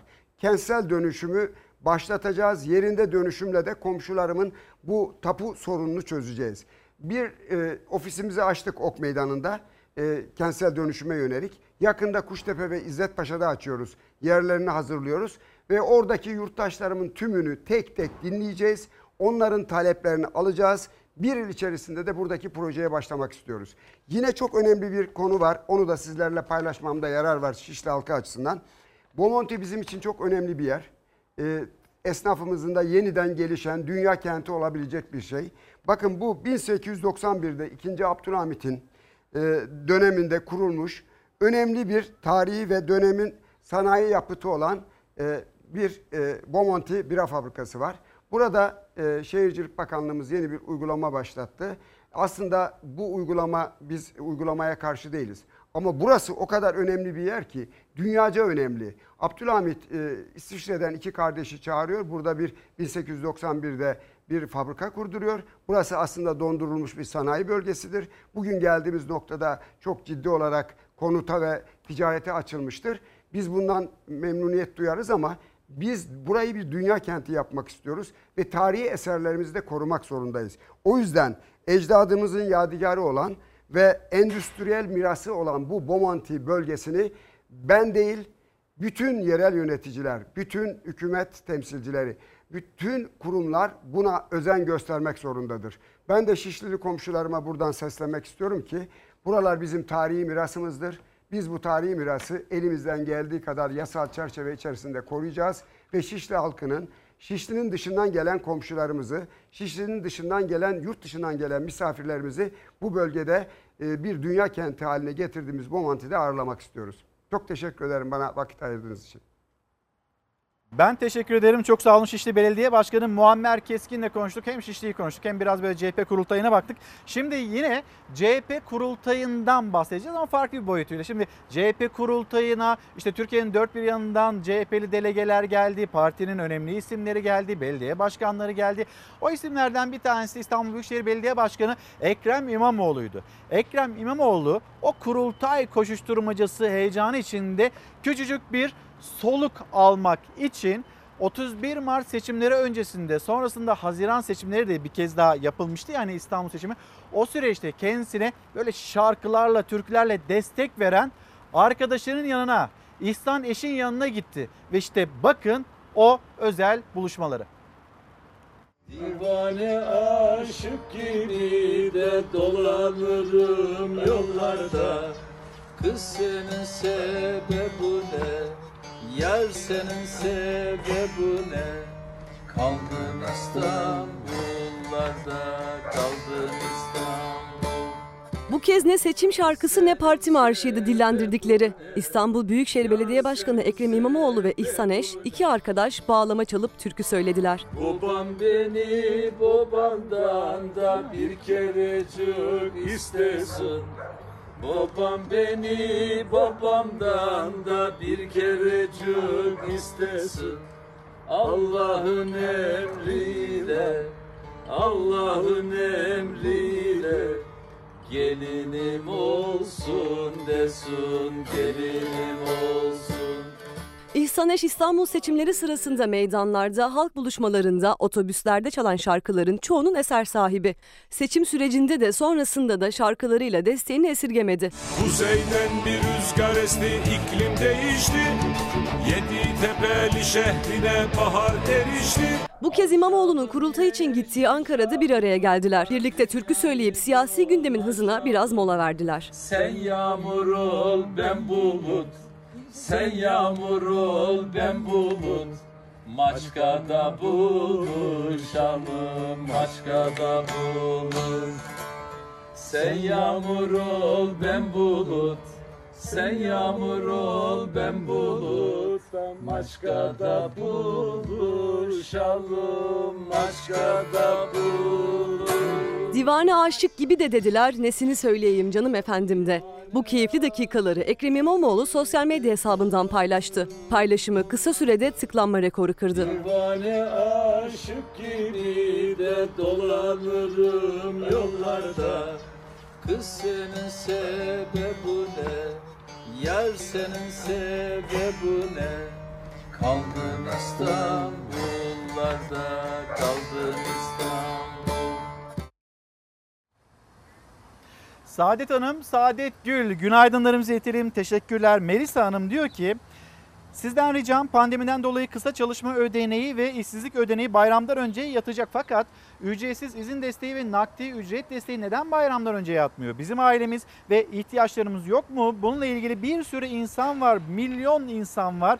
Neden bekleniyor? Bize de destek olsunlar demekte. Emin Bey günaydınlarımızı iletelim. Bir Sabah gazetesine bakalım. Sabah gazetesinin manşeti hani programın açılışında söz etmiştik. Ayasofya, Ayasofya ile ilgili Bakanlar Kurulu toplantısından sonra Cumhurbaşkanı Erdoğan'ın kurmuş olduğu kameraların karşısına geçip de kurmuş olduğu cümleler. Ayasofya'nın açılmasıyla bir millet yeniden doğdu dedi Erdoğan. Başkan Erdoğan, Ayasofya Kebir Camii Şerifi'nin ibadete açılma kararı egemenlik haklarını kullanma kararlılığının son örneği dedi. Ayasofya'nın hangi şartlar altında camilik vasfından çıkartılarak müzeye dönüştürüldüğünü tartışmanın bir anlamı kalmadığına inanıyorum. Hani artık bu konu bu tartışma geride kalsın demekte Cumhurbaşkanı Erdoğan. Ayasofya'nın secdelerle buluşmasıyla bir milletin yeniden doğuşuna şahitlik ediyoruz. Bu adımla dünyadaki tüm mazlumların yeniden bir ümit ışığının yarışına şahitlik ediyoruz. Bugün yeniden yemin ediyoruz ki bayrağımıza, vatanımıza kimsenin el uzatmasına izin vermeyeceğiz. Türkiye bugün yeni bir diriliş mücadelesi veriyor. Hasan Ay'ın haberi Sabah gazetesinden manşetten Cumhurbaşkanı Erdoğan'ın sözlerine yer verilmiş. Sizlerden gelen mesajlar var onlara bakacağız ama tekrar dönecek olursak yine aynı toplantı, Bakanlar Kurulu toplantısı, o toplantıdan sonra Cumhurbaşkanı Erdoğan'ın kurmuş olduğu cümle çoğu gitti azı kaldı koronavirüsle mücadeleyle ilgili söyledi. Ve Türkiye için tabloyu paylaştık. Acaba dünya, dünya nasıl bir alarm seviyesinde? Az önce bir son dakika yandı. Hemen yakalayabilirsem söyleyeyim. Amerika Birleşik Devletleri'nde can kaybı 150 bini aştı. Almanya'da ikinci dalgadan endişe ediliyor. İsrail'de okullar açıldı, ikinci dalga başladı denildi. Çin ve dünyanın pek çok bölgesinde diken üstünde bütün bilim insanları ve Türkiye için kurulan cümle Çoğu gitti, azı kaldı. Yeni vaka sayılarında rekorlar peş peşe geldi. Dünya Sağlık Örgütü COVID-19'u bugüne kadar pandemi ilan edilen en ciddi küresel sağlık sorunu olarak niteledi. Virüs Amerika Başkanı Trump'a en yakın çalışan isimde tespit edildi. Beyaz Saray alarma geçti. Dünya genelinde ikinci dalga endişesi artıyor. Belçika ve İspanya'dan sonra Almanya'dan da endişe verici rakamlar geldi. Geçtiğimiz haftaya kadar günde 200'lere düşen vaka sayıları son bir haftada 800'ü buldu. Saksonya Eyaleti Başbakanı ikinci dalga başladı dedi. Ülkenin pandemiyle mücadeleden sorumlu kurumu olan Robert Koch Enstitüsü durum kritik ve endişe verici dedi. Benzer durum salgının çıkış noktası Çin'de de yaşanıyor. Çin'de yurt içi kaynaklı 57 yeni vakaya rastlandı. Bundan önceki en yüksek sayı 6 Mart'ta 75 olarak görülmüştü. Salgının en fazla ölüme yol açtığı Amerika'da da görünüm parlak değil. Yeni vaka sayıları ve can kayıplarında azalma görülmüyor. Son 24 saatte 449 kişi daha öldü. Yeni vaka sayısı 56.155 olarak açıklandı. Virüs Beyaz Saray'a da sıçradı. Amerika Başkanı Trump'a en yakın çalışan isimlerden biri olan Ulusal Güvenlik Danışmanı Robert O'Brien'in koronavirüs testi pozitif çıktı. O'Brien, ülkede şimdiye kadar hastalığa yakalanan en üst düzey isim oldu. Haber sonrası Beyaz Saray alarma geçti. Ulusal Güvenlik Danışmanı'nın evde karantinada olduğu, Başkan Trump ve yardımcısı Pence'in virüse maruz kalma riski altında bulunmadığı açıklandı. Kimler bizimle beraber ve gündeminizde ne var? Bu arada Necla Hanım, Necla Kaymakçı size günaydınlarımızı iletelim. Türkiye'nin neresinden mesaj gönderiyorsunuz? Memleketinizde, bulunduğunuz yerde hava nasıl? Bunun bilgisini de paylaşın bizimle. Şimdi Ankara için memleket havasını da yine paylaştık. Ankara'yı da anlattık ama şu saat itibariyle göstermiyordu. Termometreler hani ona da işaret etmiyordu. Şu saat itibariyle e, Ankara'da bir yağışın başladığının bilgisini paylaşayım. şöyle bulutlar yavaş yavaş geldi. Öğleden sonra e, o bulutların dağılacağını biliyoruz ama şu saatlerde Ankara'da bir yağmur yağacağını bilmiyorduk ama bunu yaşıyoruz. Ankara serin bir sabaha uyandı. Piyasalara bakalım istiyorum. Hemen bir piyasaların tablosunu da gösterelim sizlere. E, dolara bakalım, euroya bakalım.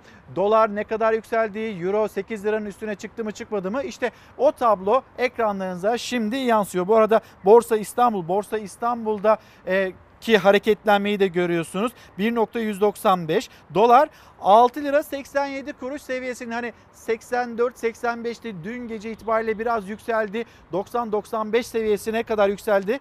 E, 6 lira 90 kuruş 95 kuruş seviyesine. Şimdi euro euro 8 liranın üzerinde. 8 lira 7 kuruş ve gram altın 430 lira. Yani tam düğün mevsiminde e, çeyrek altının, gram altının ne kadar yükseldiğini görüyoruz sizlerle beraber. Çeyrek altın 704 lira, gram altında 430 lira. Şimdi böyle olunca Eskiden çeyrek altın götürülürken ya acaba az mı oldu diye düşünülüyordu. Çeyrek altın ciddi bir para artık. Yani çeyrek altın dediğiniz asgari ücrete göre bir hesap yaptığınızda 4 e, çeyrek altın bir asgari ücret seviyesinde. Şimdi düğüne giderken gram altının yarısı. Onu da geçtik.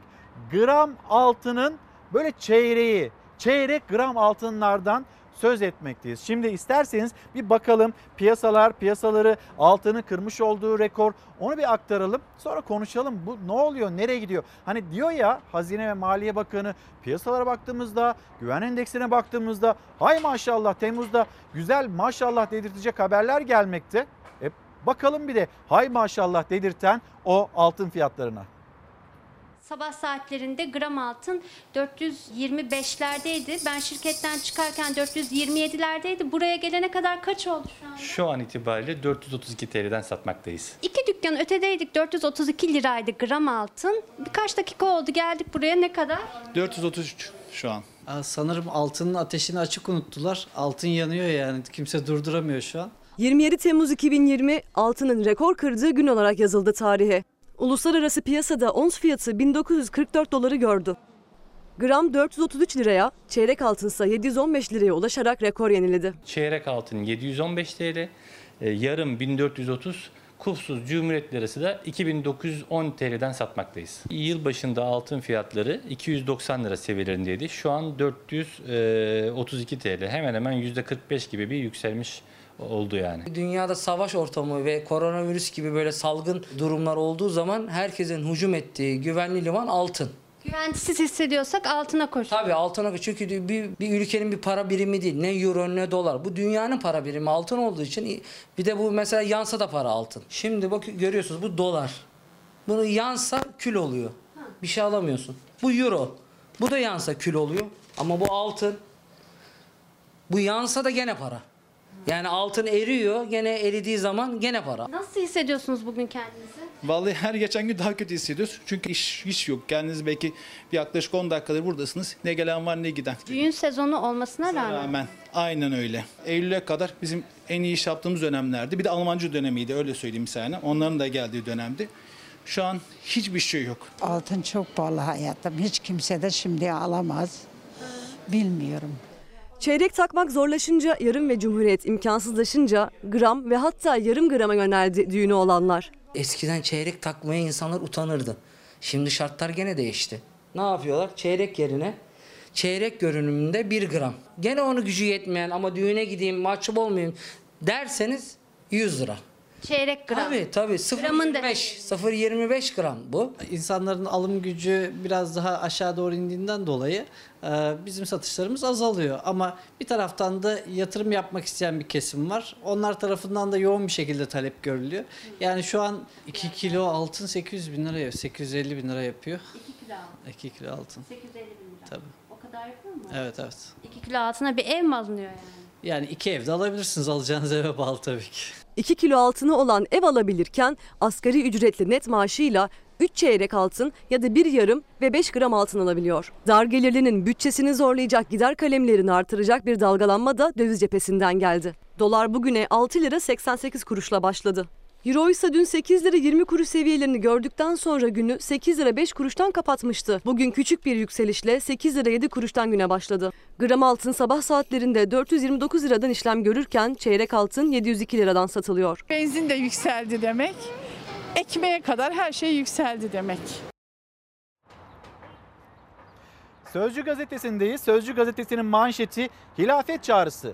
Atatürk 96 yıl önce kaldırdı. Onlar geri getirmek istiyor.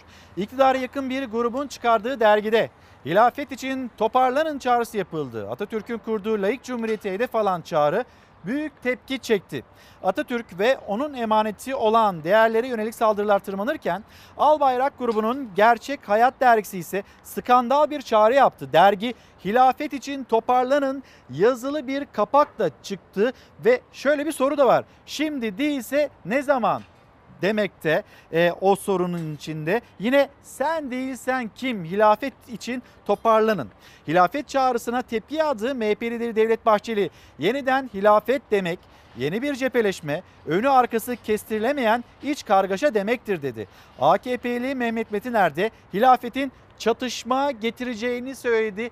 Tehlikeli bir gündem maddesi. Bu gündem maddesiyle ilgili e, AK Parti sözcüsü Ömer Çelik'in cümlelerini söylemiştik, paylamıştık aslında. O da diyor ki Cumhuriyet göz bebeğimiz.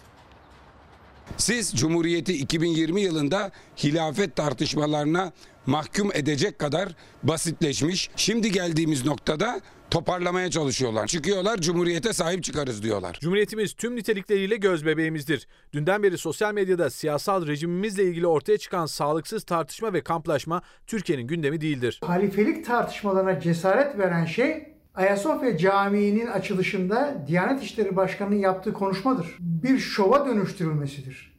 Bu tür radikal unsurlara cesaret verilmesidir. Hilafet tartışmalarını böylesi nazik bir ortamda kızıştıranlar Türkiye Cumhuriyeti'ne büyük bir bühtan içindedir. Yeniden hilafet demek iç kargaşa demektir. Buna da hiç kimsenin hakkı yoktur. Tartışmanın adı Cumhuriyet'in değerlerine saldırı. Diyanet İşleri Başkanı Ali Erbaş'ın Ayasofya'da Cuma hutbesinde Atatürk'e lanet okudu tepkileriyle başladı. Bir derginin kapağına taşıdığı hilafet çağrısıyla tavan yaptı. İktidar cephesindeki sessizlik eleştirilirken Ömer Çelik'ten kamplaşma üretiliyor açıklaması geldi. Muhalefet tartışmayı alevlendiren açıklamaların kimden hangi adresten geldiğine işaret etti. Cumhuriyeti tartışmaya açan kim? Bu hilafet tartışması nereden başladı? Ona baksınlar. Kendi kitlenizi konsolide etmek için başvurduğunuz kutuplaşmadan dolayı Türkiye'yi bu noktaya savurmuşsunuz. Sorumluluğumuz ahlaki ve siyasidir. Siyasal temeli olmayan kamplaşmalar yerine ortak ideallerimizle geleceğe yürümeliyiz. Türkiye Cumhuriyeti ilelebet payidar kalacaktır. Elbette Cumhuriyet ilelebet payidar kalacak. Ama Ömer Çelik ve onun temsil ettiği siyaset anlayışına rağmen payidar kalacak. O lanet okuma cesareti Recep Tayyip Erdoğan'ın ihanet söyleminden başlamıştır. O cesareti oradan almıştır. Atatürk'e lanet okunduğu yalanıyla imal ve inşa edilen kutuplaşma zalim bir bölücülüktür. Türkiye'yi uçuruma çekmenin zehirli hazırlığıdır. Allah'ın mescidine kimlerin girip giremeyeceğine bu iktidar karar verdi dün. İslam tarihinde ilk kez namaz ibadeti protokoler davetin geçerli olduğu bir merasime dönüştürüldü. Ayasofya'nın 500 yıllık camilik vasfından çıkartılarak müzeye dönüştürüldüğünü tartışmanın bir anlamı olmadığına, kalmadığına inanıyorum. Önemli olan bu ulu mabedin yeniden asli işlevine bağlayıcı bir hukuki belge olan vakfiyesinde belirtilen misyonuna dönmüş olmasıdır. Cumhurbaşkanı Erdoğan hilafet ve hakaret tartışmalarına girmedi ama MHP lideri Bahçeli Diyanet İşleri Başkanı'nın sözlerinin bağlamından kopartıldığını savundu. MHP içinden Ali Erbaş ve hilafet çağrısı için karşı sesler de yükseldi. Disipline sevk edilen Cemal Enginyurt ve eski Genel Başkan Yardımcısı Şefkat Çetin'den. Atatürk düşmanlığı kimseye fayda getirmez. Hele hele hilafet gelmeli demek çok çok tehlikeli bir söylemdir. Cumhuriyeti hepimiz korumalıyız. Bizim inancımızda vakıf malı dokunulmazdır. Dokunanı yakar. Vakfedenin şartı vazgeçilmezdir. Çiğneyen lanete uğrar. Ayasofya'da cuma hutbesinde lanet okunması Cumhuriyetimizin kuruluş ilkelerine düşmanlıktır.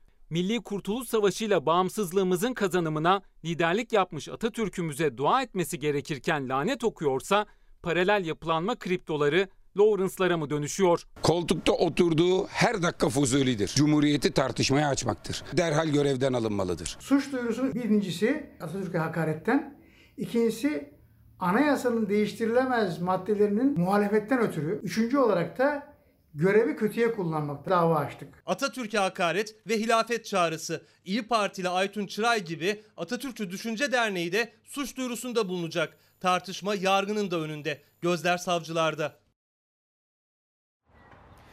Ahmet Çevik bizlere Şanlıurfa Viranşehir'den günaydın diyor.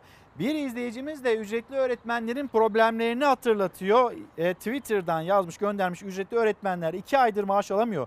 Evli ve kirada olan binlerce ücretli öğretmen var. Onlar nasıl geçiniyorlar? Bu düşünülüyor mu? Lütfen düşünsünler demekte.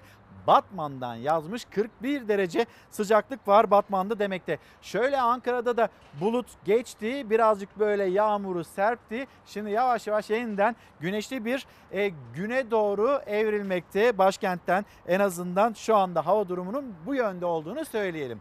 Sadak Genç Osman Bursa günaydınlarımızı iletelim. Bugün doğum günü kutlayan izleyicilerimiz var. Bugün doğum günü kutlayan herkesin doğum gününü kutlayalım. Dün o kadar büyük bir koşturmaca vardı ki unuttuk Kemalettin abimizin, Kemalettin ustamızın kızı Sibel'in doğum günüydü. Sibel'cim doğum günün kutlu olsun. Gelecek olursak yine Sözcü gazetesine. Sözcü gazetesinde bir haber. Bir skandal çağrı da eğitim müdüründen. Yani çocuklarımızı emanet ettiğimiz ilçe milli eğitim müdürünün cümlelerini duyacaksınız. Lozan anlaşması çöpe atılsın. Çöpe atılsın dediği Türkiye Cumhuriyeti'nin tapusu. Bunu çöpe atalım diyor çocuklarımızı emanet ettiğimiz Milli Eğitim Müdürü Nuri Kiraz İzmir'de Bergama'da. Ayasofya'nın ibadete açılması nedeniyle attığı mesajda skandal ifadeler kullandı Nuri Kiraz. Bize dayatılan Lozan kilidinin bir parçasını daha çöpe attık. Ayasofya'dan söz ediyor. Bize dayatılmıştı bir parçasını daha çöpe attık demekte.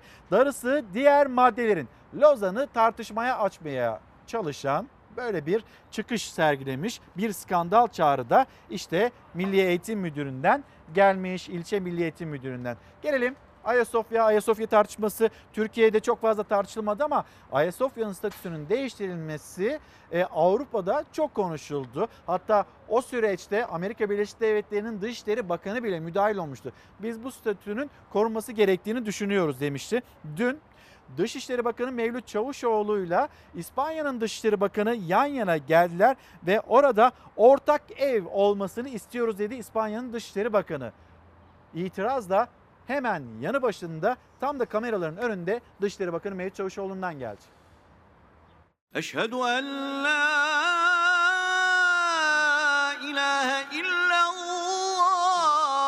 Ayasofya. Ayasofya'nın dünya insanları için ortak ev olmasını istiyoruz. Tüm dinlerin ibadetlerine açık olmasını bu anlama geliyorsa söylenenler bu mümkün değil. Cuma günü tarihi namazda cami statüsü resmen başlayan Ayasofya üzerinden Batı ile ilk yüz yüze resleşme. İspanya Dışişleri Bakanı Arinsa González Laya'nın ısrarla ortak ev demesine Dışişleri Bakanı cami diyerek itiraz etti. De la humanidad que es Hagia Sophia. İspanya için önemli olan insanlık mirası olan bu anıtın ruhunu korumak. Ortodoks Hristiyanların, Katolik Hristiyanların, Müslümanların ortak evi olması. Ortak ev olarak kalmasını tercih ediyoruz dediler. Ayasofya camidir. Ayasofya'nın diğer inançlarında yine ibadet yapacağı bir yer olarak kalmasını söylemek istediyse biz buna katılmıyoruz. 86 yıl sonra yargı ve cumhurbaşkanlığı kararıyla müze statüsüne son verildi. Ayasofya'da ilk namaz cuma günü kılındı. Yunanistan açıklamalarla, eylemlerle tepki verdi. Bayrak indirme, Türk bayrağını yakma böyle aciz davranışlar onlara yakışır. Biz Kurtuluş Savaşı'ndan sonra Yunanları denize döktükten sonra da başta Gazi Mustafa Kemal Atatürk olmak üzere o zaman da Yunan bayrağına saygı göstermişiz. Biz böyle bir milletiz. Yunanistan şunu kabul etmesi lazım. İstanbul 1453'te fethedildi. Mevlüt Çavuşoğlu Yunanistan'ı anlamak mümkün değil. Sanki kendi mülkü alınmış gibi davranıyor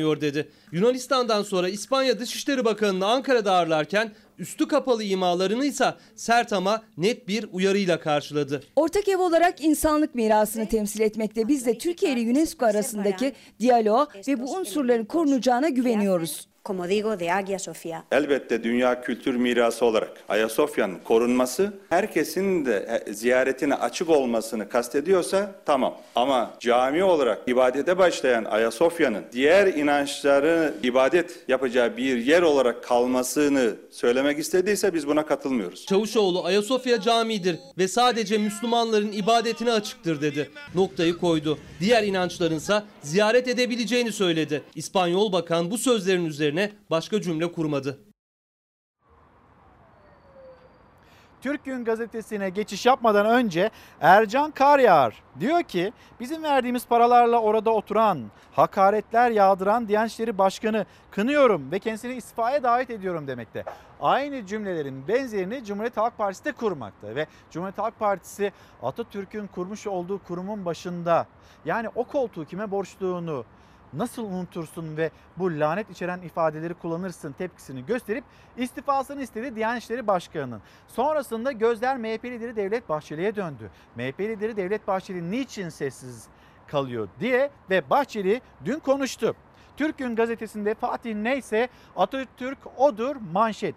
MHP Devlet Bahçeli Atatürk'e lanet okunduğu yalanıyla imal ve inşa edilen kutuplaşma zalim bir bölücülüktür. Türkiye'yi uçuruma çekmenin zehirli hazırlığıdır demekte. Yani böyle bir ima yok. Bu cümleler maksadından saptırıldı demekte. MHP lideri Atatürk neyse Fatih neyse Atatürk odur. Yine MHP lideri Devlet Bahçeli'nin kurmuş olduğu cümle. Şimdi vakıf malı dokunulmazdır.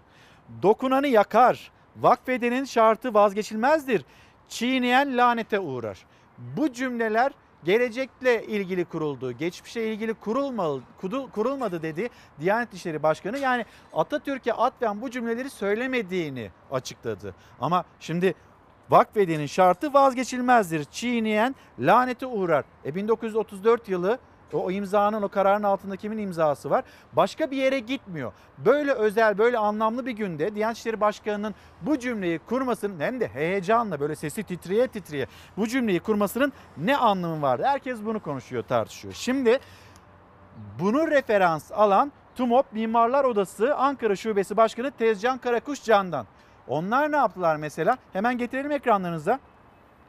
Mimarlar Odası Ankara Şubesi Danıştay'ın Ayasofya gerekçesini emsal göstererek Atatürk Orman Çiftliği için aslına rücu sürecini başlattı. Bu kapsamda Tarım ve Orman Bakanlığı'na Atatürk'ün hazineye ve halkına vakfettiği Atatürk Orman Çiftliği alanlarının en geniş sınırları içine alacak şekilde Atatürk'ün şartlı bağışında yer alan ve iradesi yönünde kullanılmayan alanların tespit edilmesini ve aslına rücu için çalışmaların başlatılması için resmi yazıyla başvurdu. Yani vakfedenin şartı vazgeçilmezdir. Çiğneyen lanete uğrar cümlesi vardı ya. İşte ona atfen Mimarlar Odası'nın adımı da bu. Ankara Şube Başkanı Tezcan Karakuş Can'dan Atatürk'ün vasiyetine şartlı bağışına aykırı olarak talan edilen Atatürk Orman Çiftliği aslına rücu edene kadar mücadeleye devam edeceğiz. Ben üzerime düşeni yaptım. Uyarı görevimi gerçekleştirdim demişti Diyanet İşleri Başkanı. İşte burada da bir vakıf var ya da vakfedenin şartlı bir e, bağışı var. Onunla ilgili de bir uyarı cümleniz var mı acaba? Onu da bir sormuş oldum. Bir mola vereceğiz. Döndüğümüzde daha fazla ekonomiyi konuşacağız. Devam ediyoruz. Bayram öncesi korona alarmı gazete pencerenin sür manşeti ve İstanbul'dan, Şanlıurfa'dan, Diyarbakır'dan Haziran öncesine dönüş sinyalleri geliyor. Hızla normalleşmeye, eski normale dönüş olarak algılanıp kişisel tedbirler göz ardı edilince vaka sayıları arttı, yoğun bakımlarda oldu. Uzmanlar da bayram öncesi uyarılarının dozunu yükseltti. Çoğu gitti, azı kaldı dedi Cumhurbaşkanı Erdoğan dün Bakanlar Kurulu toplantısından sonra. Ama bir yer yandan da bayram öncesi korona alarmı yine gazete pencerenin e, manşetindeki haber. Mesafesiz tebrik işte dikkat çeken bir görüntüydü. Sosyal medyada yine çok çok konuşuldu. Lig şampiyonu Başakşehir Cumhurbaşkanı Erdoğan'ı ziyarete gitti. Kupasını da götürdü. Şampiyonluk kupasında. İşte o ziyaret sırasında ne kadar böyle Cumhurbaşkanı Erdoğan'da aman dikkat edelim işte bu sosyal mesafeye, hijyene derken bütün bir kalabalığın işte oradaki kafilenin yan yana öyle sosyal mesafenin de e, göz ardı edilip yan yana gelişi Cumhurbaşkanı Erdoğan'ın bu fotoğrafı vermesi sosyal medyada çokça konuşulmuştu. Eğitimde tablo karanlık. Dün YKS sonuçları açıklanmıştı. Gazete Pencere'nin yine ilk sayfasında yer alan haber bu yönde. Tabii ki bu konuda yazan isimler var. Onlardan bir tanesi de Abbas Güçlü. Abbas Güçlü'nün e, kurmuş olduğu cümleler sosyal medya üzerinden nedir? Birazdan ilgili konu, ilgili haber geldiğinde aktaracağım sizlere. Ama hazır gazete pencereyi de açmışken üniversiteye giriş sınavlarının sonuçları açıklandı. Doğru cevapların ortalamaları lise eğitimine ilişkin alarm veriyor. Matematik ve fende öğrenciler çok ama çok başarısız. Yüksek Öğretim Kurumları sınavının sonuçları eğitim sistemi için alarm işareti verdi. Sınavda adayların sorulara verdikleri doğru yanıt ortalamalarının çok düşük olduğu ortaya çıktı. Öğrencilerin 40 soruluk Türkçe testinde doğru yanıt ortalaması 14. 40 soruluk matematik testinde doğru yanıt ortalaması 5 çıktı. Yani biz bunu düşüneceğiz. Hani biz ilerleyeceksek, kalkınacaksak en başta onarmamız ve düzeltmemiz gereken yer neresi? İşte orası eğitim. Eğitim sistemimize bir dönüp bakmamız gerekiyor. Eğitim dünyasının içinden gelmiş bir Milli Eğitim Bakanı. Ama Milli Eğitim Bakanı elinde sihirli değnek yok. Akşamdan sabah bir şeyi düzeltemez. Ama artık meselenin özüne gelinmesi gerekiyor. Yani bir takım standart standart standartlar belirlenmeye çalışıyor. Eğitimle ilgili işte bu okullar açılacak mı açılmayacak mı bu tartışmalar yapılıyor. Geçtiğimiz günlerde Milli Eğitim Bakanı hani böyle mevsimlik tarım işçilerinin çocukları onları tarlada ziyaret etti.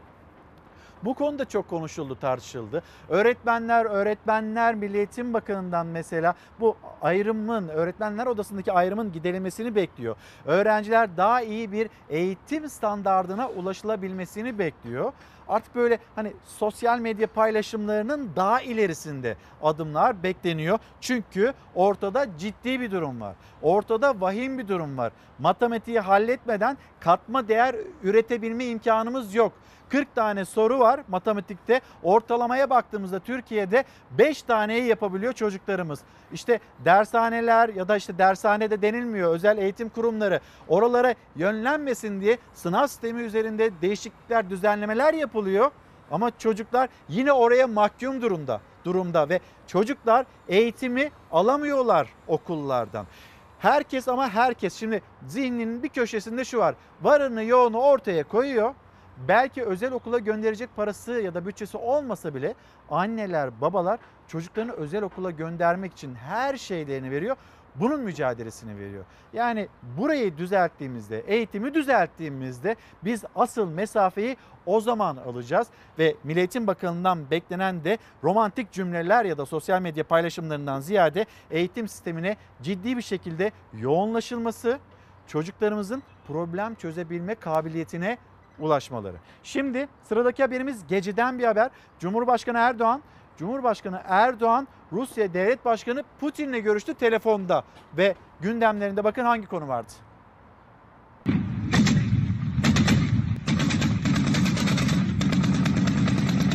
Azerbaycan ve Ermenistan arasında gerilimin arttığı dönemde Ankara-Moskova hattında kritik bir temas kuruldu. Cumhurbaşkanı Erdoğan Rusya Devlet Başkanı Putin ile telefonla görüştü. İki lider gerilimin siyasi ve diplomatik yollarla çözüme kavuşturulması gerektiğini vurguladı. Kardeş ülke Azerbaycan'a Ermenistan'ın saldırıları sonrası artan gerilim bölgede tansiyonu yükseltti. İki ülke arasında artan tansiyon zaman zaman çatışmaya dönüştü. Gerilimin tırmandığı dönemde kritik bir temas kuruldu Türkiye ile Rusya arasında. Cumhurbaşkanı Recep Tayyip Erdoğan Rus lider Vladimir Putin'le dün akşam saatlerinde telefonda görüştü. Erdoğan ve Putin'in görüşmesinin ana gündeminde Azerbaycan ve Ermenistan arasındaki gerginlik vardı. İki lider sorunun barışçıl yollarla çözülmesi gerektiği konusunda mutabık. Diplomasi kanallarının kullanılması gerektiği vurgulandı görüşmede. Çözüm için koordinasyon sağlanabileceği ifade edildi. Erdoğan ve Putin ayrıca Libya'da yaşanan gelişmeleri, Suriye'de kalıcı çözümü ve Türk-Rus ilişkilerini ele aldı. Koronavirüs pandemisi nedeniyle bir süredir yapılamayan iki ülke arasındaki uçuşların kısmi olarak 1 Ağustos itibariyle başlamaya hazır olduğu kaydedildi. YKS sayısal birincisi Yusuf Atik Sözcü gazetesine konuşmuş. Pandemi bana avantaj oldu demekte. Üniversite sınavında 80 net yaparak 500 tam puan alan Atik pandemide çok daha çok çalışma zamanı bulabildim demekte. Hani pandemiyi avantaja çevirenler var ama diğer yanda işte okullar, okullardaki eğitimimiz bunlar da sorgulanıyor. Ziya Selçuk şimdi bir sosyal medya paylaşımlarına da bakalım. YKS 2020 etiketinden sonra yani YKS sonuçlarının açıklanmasından sonra Milli Eğitim Bakanı Ziya Selçuk ne söyledi? Sevgili gençler sizler bu sonuçların çok daha fazlasını içinizde taşıyorsunuz. Tercihlerinizi yaparken sizleri mutlu, verimli ve üretken kılacak her mesleğin değerli olduğunu unutmayın. Yani mutlu olacağınız meslekleri seçin, üretken olunabilecek alanları tercih edin demekte. Bu sonuçların çok daha fazlasını içinizde taşıyorsunuz. Çocuklar çok daha fazlasını e, içlerinde taşıyor olsalar bile içlerindeki o cevheri bizim eğitim sistemimiz çıkartabiliyor mu? Çıkartmak için yeterli mi? Bir takım çalışmalar var ama şu günün şartlarına baktığımızda bunu görmüyoruz. Abbas Güçlü diyor ki temel yeterlilik testi bir lise bitirme sınavı olarak görülse sınava giren adayların %80'i mezun olamazdı. İşte bizim burayı onarmamız gerekiyor. Diyor ki Türkçe'de Türkiye ortalaması 40 soruda 14.5. Sosyal bilimlerde 20 soruda 8 diyelim hadi 7.9 8 bile değil. Temel matematikte 40'ta 6 en vahimi Fen bilimleri ortalama 20 soruda 3.2. Milli Eğitim Bakanlığı bu konuda ne düşünüyor? Çocuklar, çocuklar sizin içinizdeki e, potansiyel çok daha fazla. Tamam da işte bakın öğretemiyoruz çocuklara. Feni öğretemiyoruz, matematiği öğretemiyoruz. Fende 20 tane soru var. 3.2 netle bu çocuklar içerindeki potansiyeli nasıl çıkartacaklar? Bunu başaramıyoruz. O zaman öyle güzel, tatlı, şirin cümleleri bir kenara koyup artık meselenin özüne gelelim. Ve gidelim bu sınavın birincilerine. Koronavirüsün gölgesinde bir sınavı daha geride bıraktı milyonlarca öğrenci. 27-28 Haziran'da gerçekleştirilen 2020 Yüksek Öğretim Kurumları sınavı YKS açıklandı. 2,5 milyon yakın öğrencinin katıldığı sınavın 15 birincisi var. ÖSYM Başkanı Profesör Doktor Halis Aygün sınavın açıklandığını duyurdu. Ardından YKS istatistikleri de açıklandı. YKS'de temel yeterlilik testinde 5, alan yeterlilik testi sözelde 1, eşit ağırlıkta 1, sayısalda 3, yabancı dil testinde ise 5 öğrenci birinci oldu. Temel yeterlilik testinde adayların %77'si barajı geçti. Alan yeterlilik testinde sayısal puan türünde ise barajı geçenlerin oranı daha düşük. %59'un altında. Yabancı dil testine katılan öğrencilerin ise %86'dan fazlası 170 ve üzeri puan alma başarısı gösterdi. Sabah 4'te uyanırdım, 7'ye kadar dersimi çalıştırdım. Sonra 8'e kadar okula hazırlık. Okulda bütün zaten teneffüslerde ve boş derslerde sürekli kitabım da yanımda olurdu. Aydın Efeler ilçesinde yaşayan doğuştan %60 görme kaybı olan Halit Oğuz Serçe büyük bir başarı imza attı. Temel yeterlilik sınavında 500 tam puan alarak birinci olan ilk 5 öğrenciden biri oldu. Peki okullar, okullarımızı açabilecek miyiz? İşte bununla ilgili ciddi bir çalışma olduğunu biliyoruz. Çünkü 31 Ağustos tarihi, 31 Ağustos tarihinde yetkililer diyorlar ki böyle hala 900'lü seviyeler, binli seviyelerde günlük vaka sayısıyla karşılaşırsak biz e, Eylül gibi, Ekim gibi yeni bir salgınla karşı karşıya kalabiliriz. Zaten o yüzden dikkatli olmamız yönünde telkinler çok daha böyle üst seviyelerden e, gelmekte. Bu uyarılar yapılmakta. Şimdi 31 Ağustos tarihi itibariyle Milletin Bakanlığı çalışıyor. Biz okulları nasıl açabiliriz? Seyreltilmiş sınıf e, yöntemiyle mi açabiliriz? Çocuklarımıza zarar gelmesin. Biz nasıl bir standart belirlersek çok daha iyi olur şeklinde bunun çalışmaları da devam ediyor. Bu çalışmalar bir yandan velilerin yüreğine su serpiyor. Diğer yandan da vatandaşları da uyarmamız gerekiyor. Yani siz dikkatli olmalısınız ki çocuklarımızı koruyabilelim. Siz dikkatli olmalısınız ki toplumumuzu koruyabilelim. Ama elbette bir standart belirlemekle de yol yürünmüyor. Eğitim kurumlarımızın sağlıklı ve güvenli bir şekilde e, açılabilmesi için de çalışmalarımızı hızla devam ettiriyoruz. Var olan koşullar 31 Ağustos'ta okulların salgına hazırlıklı olmadığını göstermektedir. Okul kaç gün olacak? Öğrenciler hangi günler gidecek? Hangi gün evde kalacak? Netleşmedi ama Milli Eğitim Bakanlığı okulları 31 Ağustos'ta açmak için çalışmalarını hızlandırdı. Okulların pandemi tedbirlerini almaları için bir kılavuz yayınlandı. Ama eğitimcilerin endişesi dinmedi. Eğitim sen sadece hijyen önlemleri değil, daha pek çok sorun var dedi. Milli Eğitim Bakanlığı'nın salgından önce dahi belirttiği öğretmen ihtiyacı 90 bin üzerindedir. Uzun yıllardır okullarda temizlik görevlisi ataması yapılmamaktadır. Eğitim sen henüz personel öğretmen sayısı yeterli değil. Tüm okulların da fiziki şartları salgın döneminde açılmak için uygun değil derken okulların planlandığı tarihte açılması için Milli Eğitim Bakanı Ziya Selçuk ve Sanayi ve Teknoloji Bakanı Mustafa Varank bir protokol imzaladı. O protokole göre okulların hijyen standartlarını TSE belirleyecek. Sık kullanılan alanların nasıl temizlenmesi gerektiğini, hangi kimyasalların nerelerde kullanması gerektiği gibi kılavuzumuzda o detayları kendilerine hazırladık. TSE ve Milli Eğitim Bakanlığı'nın hazırladığı kılavuza göre öğrencilerin ateşini her gün veliler ölçecek ve okula bildirecek. Öğretmenler ve ziyaretçilerin ateşleri ise okul girişlerinde ölçülecek. Bakanlık okulların açılması için 4 farklı formül üzerinde çalışıyor. Pazartesi, salı günü okulları açtık. Bir sınıfın yarısı sınıfa geldi. Çarşamba günü okulu temizledik. Perşembe ve cuma günü diğer yarısı sınıfa geldi. Cumartesi de sınav grupları ayrıca geldiler. Okulların açılmasına yönelik Milli Eğitim Bakanlığı'nın üzerinde durduğu formüllerden biri de seyreltilmiş eğitim. Bu formüle göre sınıfa az sayıda öğrenci gelecek ve bu durumda sosyal mesafe kuralına uygun olarak oturabilecekler. Eğitim alacaksa çocuklarımız seyreltilmiş sınıflarda eğitim alacaklar. Okul kantinlerinde para alışverişini azaltacak yeni yöntemler geliştirilecek. Kantinler okul yönetimi tarafından sık sık denetlenecek ve temizlenecek. Öğrencisi küçük olan velilerin aklındaki en büyük soru işaretlerinden biri de öğrenci okula gelip tuvalete girip çıktıktan sonra hijyeni nasıl sağlayacak? Öncelikli olarak okul tuvaletleri denetlenecek ve temiz olacak. Öğrencilerin ellerini yıkamaları için anonslar geçecek ve görsellerle nasıl yıkandığı da anlatılacak. Ama burada bir de ayaklı dezenfektan var.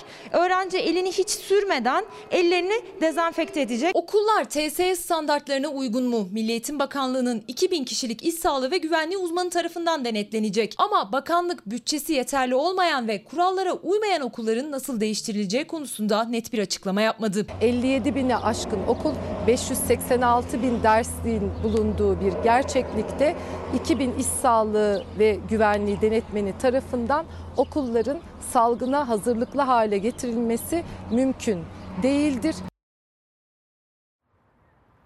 Bu çok önemli bir konu. Çocuklarımız, çocuklarımız okula gidecek ve sonrasında okulda eğer bir virüs varsa o evden eve taşınabilir. Bu yüzden bir standart geliştirilmeye çalışılıyor. İşte bir tarafıyla Mustafa Varank, diğer tarafıyla Ziya Selçuk, Milli Eğitim Bakanlığı, Sanayi Bakanlığı bir e, sağlıklı ortam yaratmaya çalışıyorlar. Dileriz bu başarıları o TSE standartlarında okullarımıza kavuşuruz. Şimdi gelelim hani bugün e, çoğu gitti azı kaldı. Bu başlık mı olsun? Hay maşallah mı olsun? Bunu konuşuyorduk ya bu iki başlık arasında gidip gelmiştik. Hay maşallah nereden geldiniz diye soracak olursanız Hazine ve Maliye Bakanı Berat Albayrak. Şunlara baktım. Mesela işte hizmet %20.2'lik artışa, perakendede %9.6'lık artışa, inşaattaki %11.lık artışa baktı ve sosyal medya üzerinden ekonomimiz adım adım yeniden yükseliyor. Temmuz verilerine maşallah açıklamasını yapmıştı. Şimdi bir tarafıyla bu. Hani bu sonuçlar iyi diyelim. Tamam da biz mesela açlık rakamlarıyla ilgili de ya da yoksulluk sınırı rakamlarıyla ilgili de hay maşallah denilecek noktaya ne zaman geleceğiz? Çünkü asgari ücretin üzerinde bir açlık sınırı rakamı var. Yoksulluk sınırı, yoksulluk sınırının altında Türkiye'de o kadar çok insan yaşıyor ki milyonlarla ifade de edilebilir. E şimdi bu rakamlara bakıyorsunuz. Burada hay maşallah denilecek bir taraf yok. E diğerleri, e diğerleri zaten sıradan vatandaşı ilgilendirmiyor. Asgari ücret 2324 lira. Açlık sınırı 2406 lira. Türkiye'de açlık sınırı asgari ücretin üstünde. Türk İş çalışanların geçim koşullarını anlatmak, temel ihtiyaç maddelerindeki fiyat değişikliğini saptamak için her ay yaptığı açlık ve yoksulluk sınırı araştırması sonuçlarını açıkladı. Buna göre Temmuz ayında 4 kişilik bir ailenin açlık sınırı 2406 lira. Yoksulluk sınırı ise 7838 lira. Açlık sınırı bir ailenin sağlıklı, dengeli ve yeterli beslenebilmesi için yapması gereken aylık gıda harcaması. Hayatın içinde var ama bu rakamın içinde kira, ısınma, su, giyecek, çocukların okul masrafı, ulaşım ve sağlık yok. Önceden sebzenin meyvenin kiloyla alıyorduk. Şimdi tane iş alıyoruz. Niye? Çok bağlandı. İşçiye zam yok. Memura zam yok. O kalemler gıdayla hesaplandığında ortaya çıkan veri ise yoksulluk sınırı yani 7838 lira. Bekar bir çalışanın yaşama maliyeti ise aylık 2919 lira olarak hesaplandı. Türk Gün Gazetesi devam edelim. Türk Gün Gazetesi'nin manşetine bakmıştık. Şimdi Cumhurbaşkanı Erdoğan'ın cümleleri. 7 düele karşı savaşıyoruz.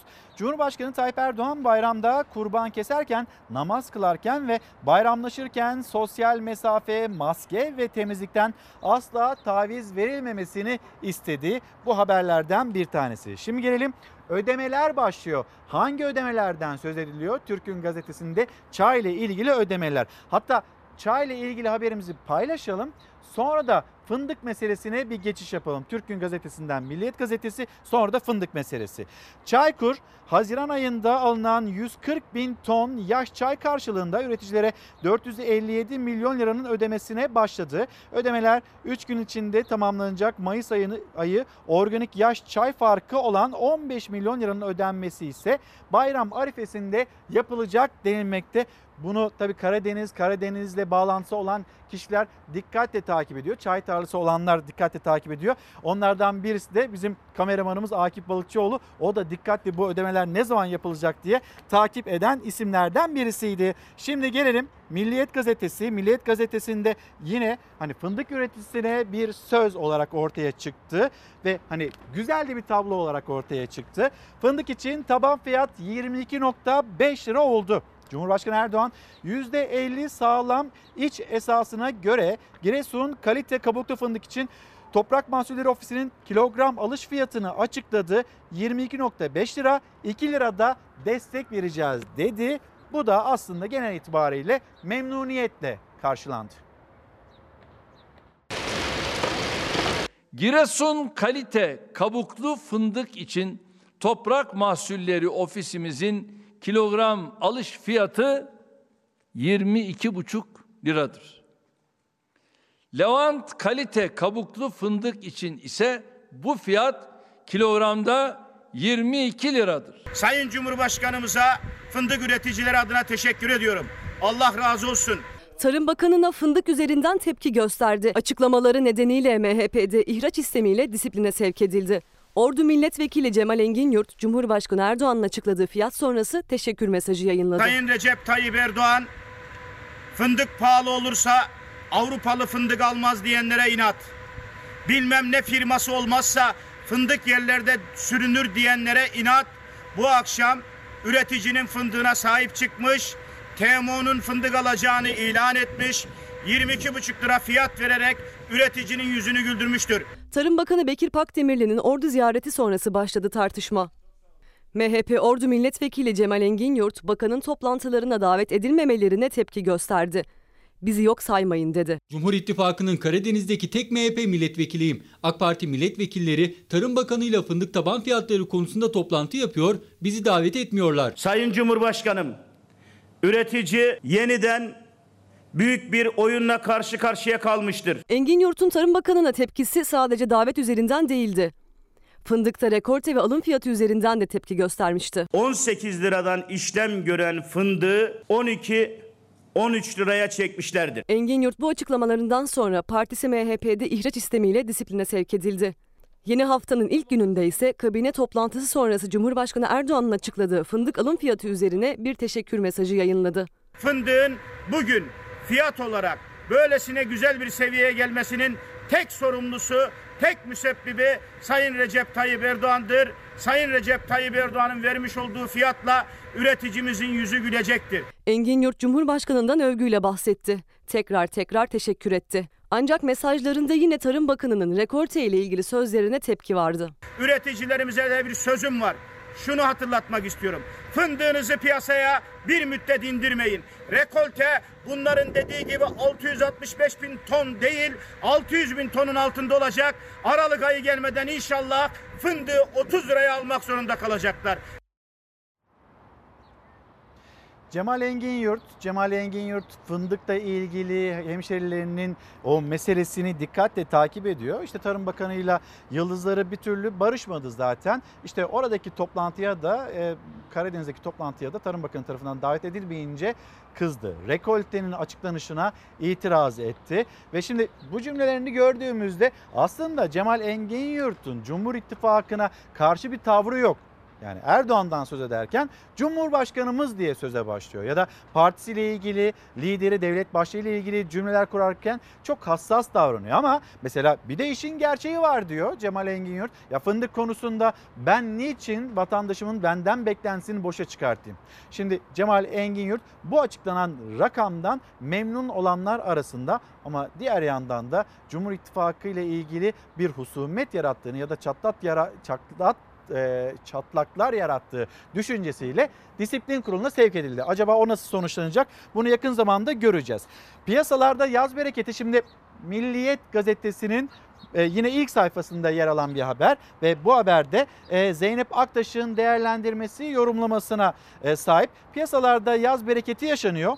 Bol likidite ve düşük faiz ortamı paranın altın, gümüş ve hisselere doğru yönelmesine neden oluyor. Şimdi düşük bir faiz var ve para da buralara yönelmekte demekte. Bununla bir bereket olduğunu e, aktarmakta Zeynep Zeynep Aktaş. Ama e, konut kredisi, otomobil kredisi, otomobil kredisinde bir takım geri çekilmeler var. Bazı firmaların suistimal ettiğini, süreci suistimal ettiğini düşünerek kamu bankaları o firmaları e, kredi verme sürecinden dışarı çıkardı. Bu ikinci el araç piyasasını daha da yükseltecek denilmekte. Birincisi bu. Bir de konut kredisi. E, eğer müteahhitten alırsanız 0.64 konut kredisi ama e, e, ikinci el alırsanız da 0.74 seviyesindeydi. E ne olduysa bu 0.74 seviyesinden yukarıya 0.79 seviyesine yükseldi o faiz oranları ve vatandaş hani ne oldu diye soruyor. Döviz riski o kadar fazla arttı ki bu artış ucuz kredi paketlerinin birer birer ortadan kalkmasına yol açmaya başladı. Kamu bankaları tüketiciye düşük faizlerle kredi vererek ekonomiyi canlandırmak için konuttan taşıta, mobilyadan tatile kredi paketleri hazırlamıştı. Ancak ikinci el konut kredisinde faizler yeniden yükseltildi. %0,74'e düşürülen faiz oranı %0,79'a çıkarıldı. Bankalar ucuz kredi versin diye Merkez Bankası çok ucuz fonlama yapıyor. Devletin borçlanma faizi ise %10'un üzerine çıktı. Devlet %10'un üzerinde borçlanıyorsa vatandaş %0.64'ten aylık veya 0.74'ten 0.80'den borçlanabilir mi? Böyle bir imkan olmaz. O imkan sağlansa da uzun soluklu olmadı. Tüketici ikinci el konutta düşük faizli kredi imkanından 2 ay faydalanabildi. Kamu bankaları Haziran ayının başında açıklamıştı yeni paketleri. Sıfır konutta faiz oranı %0,64, ikinci el konutta faiz oranı ise %0,74'e düşürülmüştü. Bundan sonra ikinci el konut almak isteyenler geri ödemesini aylık %0,79 faiz oranıyla yapacak. Vade süresi ise 180 aydan 120 aya düşürüldü. Vadenin azalması toplam geri ödeme miktarını düşürse de 120 aydan kısa vadeden yararlanacaklar daha fazla geri ödeme yapacak artık. Örneğin 100 bin liralık krediyi eski faiz oranı ve 60 ay vadeli çekene göre yeni faiz oranıyla aynı vade imkanından faydalanan tüketicinin cebinden toplam 1740 lira fazla para çıkacak. Kamu bankalarının vermiş olduğu faizler devletin borçlanma faizinin bile çok altında. Karar Gazetesi ekonomi yazarı İbrahim Kahveci'ye göre tüketiciye sunulan ucuz krediden geri adım atılmasının iki nedeni var. İthalat artışından dolayı ortaya çıkan döviz ihtiyacı ve çekilen kredilerin bir kısmıyla dövize yatırım yapılması. Türkiye'nin ithalatı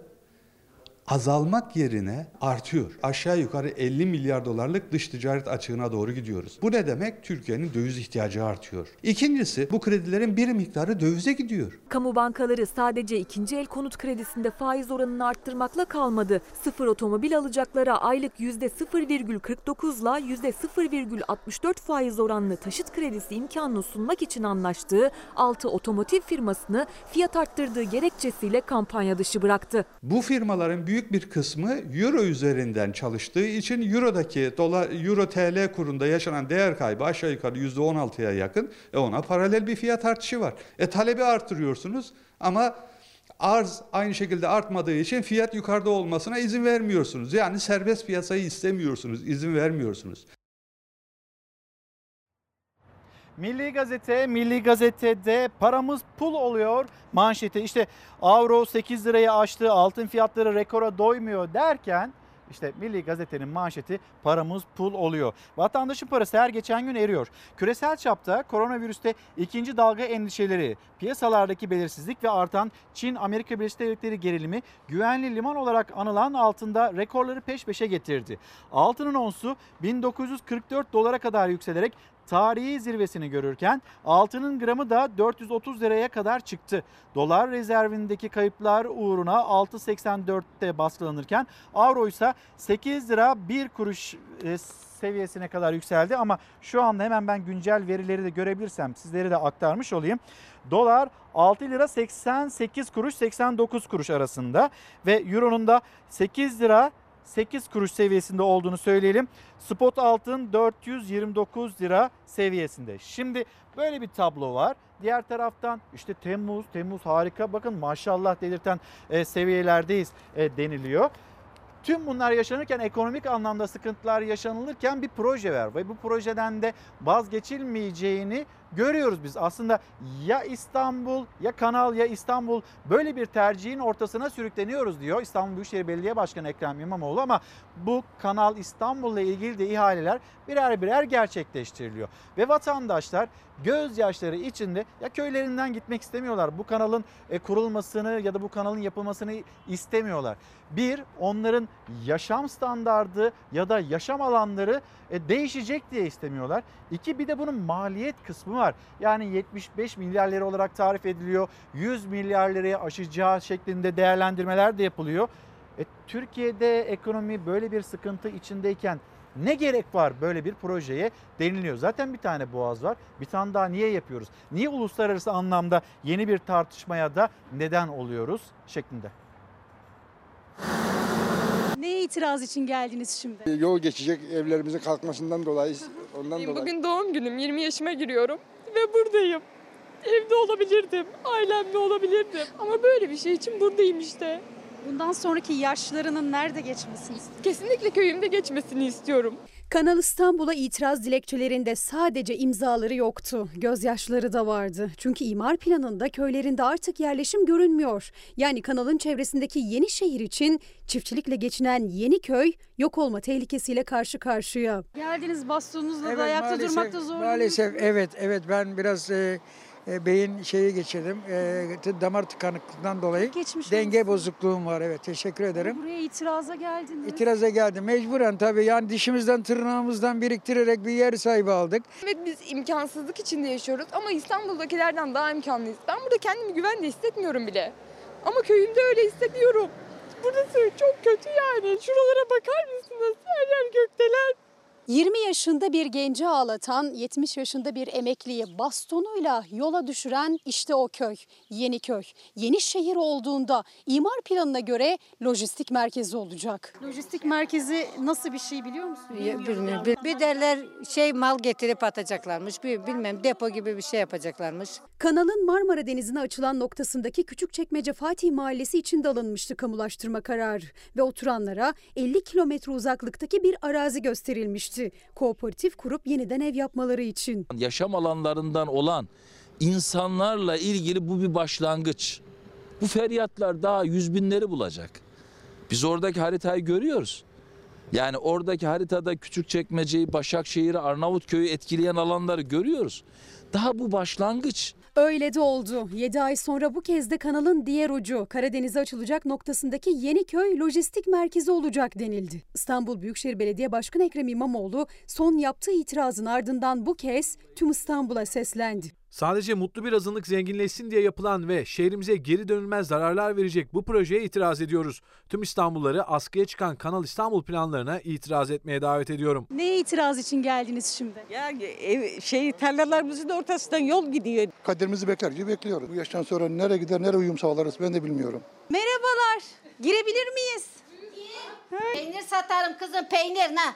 Bu köyde yaşıyorsun. Evet bu köy kalktı mı bizim halimiz ne olacak? Hiç kimse düşünmez mi bunu? Güne bakan tarlalarıyla bizi karşılayan bu köyün sakinleri arazileri kamulaştırıldıktan sonra hangi yola çıkacaklarından, nerede kendilerine yurt bulacaklarından bir haberler. Yenişehir imar planıyla başına Kanal İstanbul piyangosu vuranlar arasında görünen o ki bu toprakların sahipleri yer almıyor. Hiçbir yere de gitmeyeceğim. Malım, mülküm, tarlalarımı kimseye vermeyeceğim. Buradan gitmek istemiyoruz. İstanbul'un hali zaten ortada. Ben, ben oturamıyorum, çocuklarımla rahat edemiyorum. Hiç istemiyorum. Çünkü tek ağlıyor, oynayabildiğim yer ağlıyorlar. burası.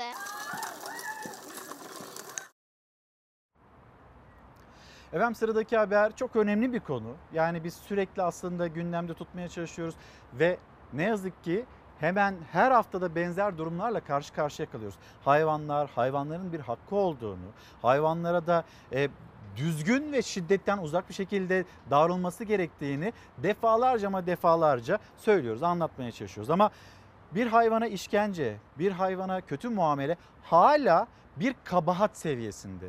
Yani bir tutuklama gerekçesi değil. Bununla ilgili infial yaşanan bir olay, bir durum ortaya çıktığında hemen meclis açılsın ilk işimiz hayvan hakları ile ilgili o yasayı çıkartmak. Biz şu önümüzdeki konuları halledelim ilk işimiz hayvan hakları. E ama hala seneler geçti. Cumhurbaşkanı Erdoğan diyor ki neden hala bu yasa bekliyor? Neden hala bir adım atmıyorsunuz? E grubuna sesleniyor, Cumhur İttifakı'na sesleniyor ya da Türkiye Büyük Millet Meclisi'ne sesleniyor. Yani getirirse muhalefette buna hayır canım biz buna itiraz ediyoruz demeyecek. Ama hala hayvan hakları ile ilgili ortada bir düzenleme yok. Hayvanlara işkence, şiddet bir kabahat seviyesinde gözüküyor. İşte yine İstanbul'da karşı karşıya kaldığımız durum. Eşimi ısırdı diye bir e, kişi gidiyor e, yakın mesafeden köpeği öldürüyor. Ailesi bir e, adalet arayışı içinde bir çözüm bulmaya çalışıyor. Sonuçta bir can kaybı var ortada. Bu insanların sokakta gezmemesi gerekiyor. Ben karınca ezemiyorum ya. Yani köpek öldürmek nedir? Planlayarak. Bunu yapan ne yapmaz? Ve biz bu insanlarla işte karşı karşıya oturuyoruz. Köpeği silahla vurarak öldüren AE serbest kaldı. Özula ailesinin acısı ikiye katlandı. Karımı ısırdığı için öldürdüm demişti ama kamera kaydı görüntüleri kadına, köpeğe şiddeti ve haneye tecavüzü gözler önüne serdi. Özula ailesi hukuk mücadelesine başladı. Bir sürü insanın bebeğiyle ve çocuğuyla hatırası olan e, bir köpek. Herkesin çok sevdiği bir köpek. E, bu yüzden Nero'nun bir çığır açmasını ve bir şeyleri değiştirmesini istiyorum. Hiçbir şey onu geri getirmeyecek. Bizim acımızı hiçbir şey hafifletmeyecek. Sadece tek istediğimiz bunun bir şeylere belki vesile olması. Hayvan hakları yasası çıksaydı onu gözünü kırpmadan öldüren AE tutuklanabilecekti. Özel bir şirkette genel müdür olan 59 yaşındaki AE, İstanbul Yeniköy'deki komşularının köpeğini gezdiren aile dostları Hilal Özdemir'le tartıştı. Köpeği gezdirmemesini istedi. Özdemir'in üzerine yürüdü. Özdemir, Nero ile birlikte evlerine sığındı ama bu kez eşi SE eve girmeye çalıştı. Bu sırada Nero'ya saldırdı. Küçücük çocuğunu işlek caddede yere bırakıp koşarak Hilal'e saldırmak üzere evimizin bahçe kapısını zorlamıştır. Sonrasında da en dehşet verici an yaşandı. AE silahını çıkarıp iki el ateş etti. Köpeğimize sıfır noktasından isabet ediliyor. Yani köpek burada ve silahın ucu köpeğe neredeyse değer vaziyetteyken atış yapılıyor. Rastgele Hilal Hanım'a doğru bir atış daha yapıyor. Ve o da yerden sekip yine Hilal Hanım'a değil de köpeğimizin ayağına isabet ediyor. Hilal Özdemir yara almadan kurtuldu silahlı saldırıdan. Onu ve evini korumak isteyen Nero hayatını kaybetti. Nero'yu silahla öldüren AE ise polisteki sorgusunun ardından serbest bırakıldı. Bu denli soğukkanlı şekilde silah kullanan bir caninin bu kadar yakınımızda yaşamasından ötürü kendi hayatımız içinde endişemiz sürmektedir. Efendim şimdi hızlıca bir Eskişehir'e gidelim.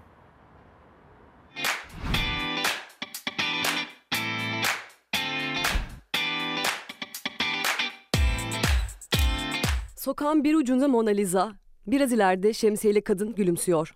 Eskişehir'de sanat sokağa taşınıyor.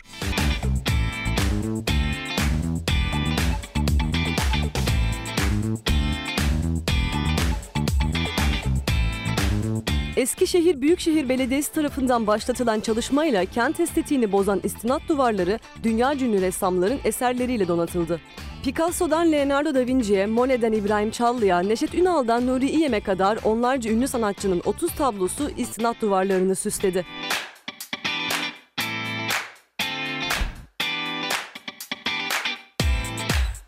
Eskişehirliler çalışmadan memnun. Öyle ki yoldan geçen fotoğraf çektirmeyi ihmal etmiyor. Bir eğitimci Mustafa Türker diyor ki Milli Eğitim Bakanlığı'nın hiçbir standardı olmadığı için sosyal yaşamımızda hiçbir standartta maya tutmuyor maalesef. Şimdi efendim biraz soluklanacağız. Reklamlara gidip hemen döneceğiz.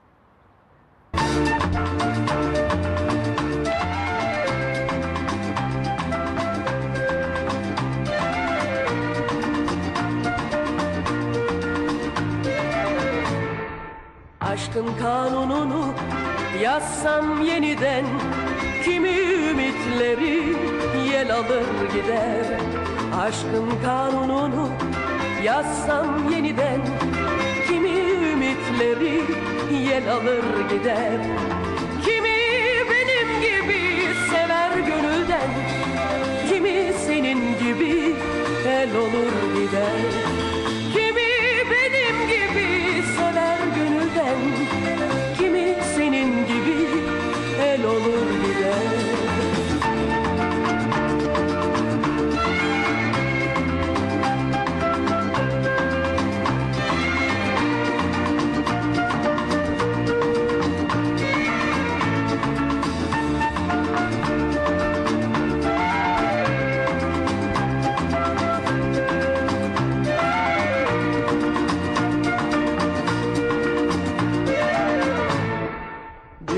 Dünyanın bir yazı, bir kışı vardı. Her yolun bir sonu, bir başı vardı. Dünyanın bir yazı, bir kışı vardı. Her yolun bir sonu, bir başı vardı.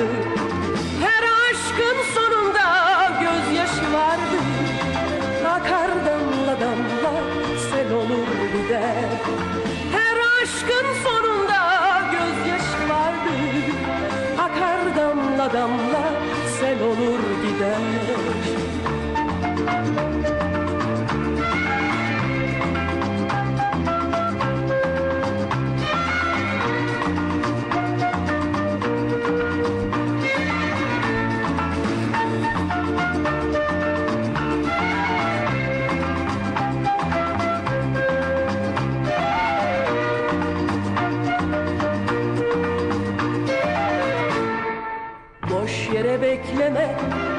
Geçen günleri Böyledir ne yazık ezelden beri Boş yere bekleme geçen günleri Böyledir ne yazık ezelden beri Efendim bir kez daha günaydın kapatacağız ama kitaplarımız var. Mesela e, bu kapı sadece içeriden açılır. Stoa felsefesinin iç dünyanızda yeni kapılar açması dileğiyle, sevgilerimle deyip Umut Dinç Şahin göndermiş bizlere. Bir de kabartma var burada. Hemen onu da göstereyim. Hem kabartmayı göstereyim hem de Umut Dinç Şahin'in bizimle paylaşmış olduğu kitabı. Teşekkür ederim kendisine. Bu arada diğer kitaplarımıza baktığımızda Yeşil Bir Ülke Hüseyin Edemir'in kitabı Vah Emeklerim Vah Zafer Baysal yazıp gönderdi. Bekar Evi Kenan Karabağ Zoru Başaranlar İpek Ongun'un bir röportajı Mezitli Belediyesi ve Mezitlili kadınların başarılarını anlatıyor bu kitap. Ve Engin Kasap, Deli Behice, Ardahan öyküleri, makale ve denemeler. Kitaplarımızı gösterdikten sonra kapatırken her zamanki gibi teşekkürümüz sizlere. Bizi izlediğiniz için teşekkür ederiz. Yarın saatler 8'i gösterdiğinde bizler yine buralarda olacağız. Hoşçakalın, güzel bir gün olsun.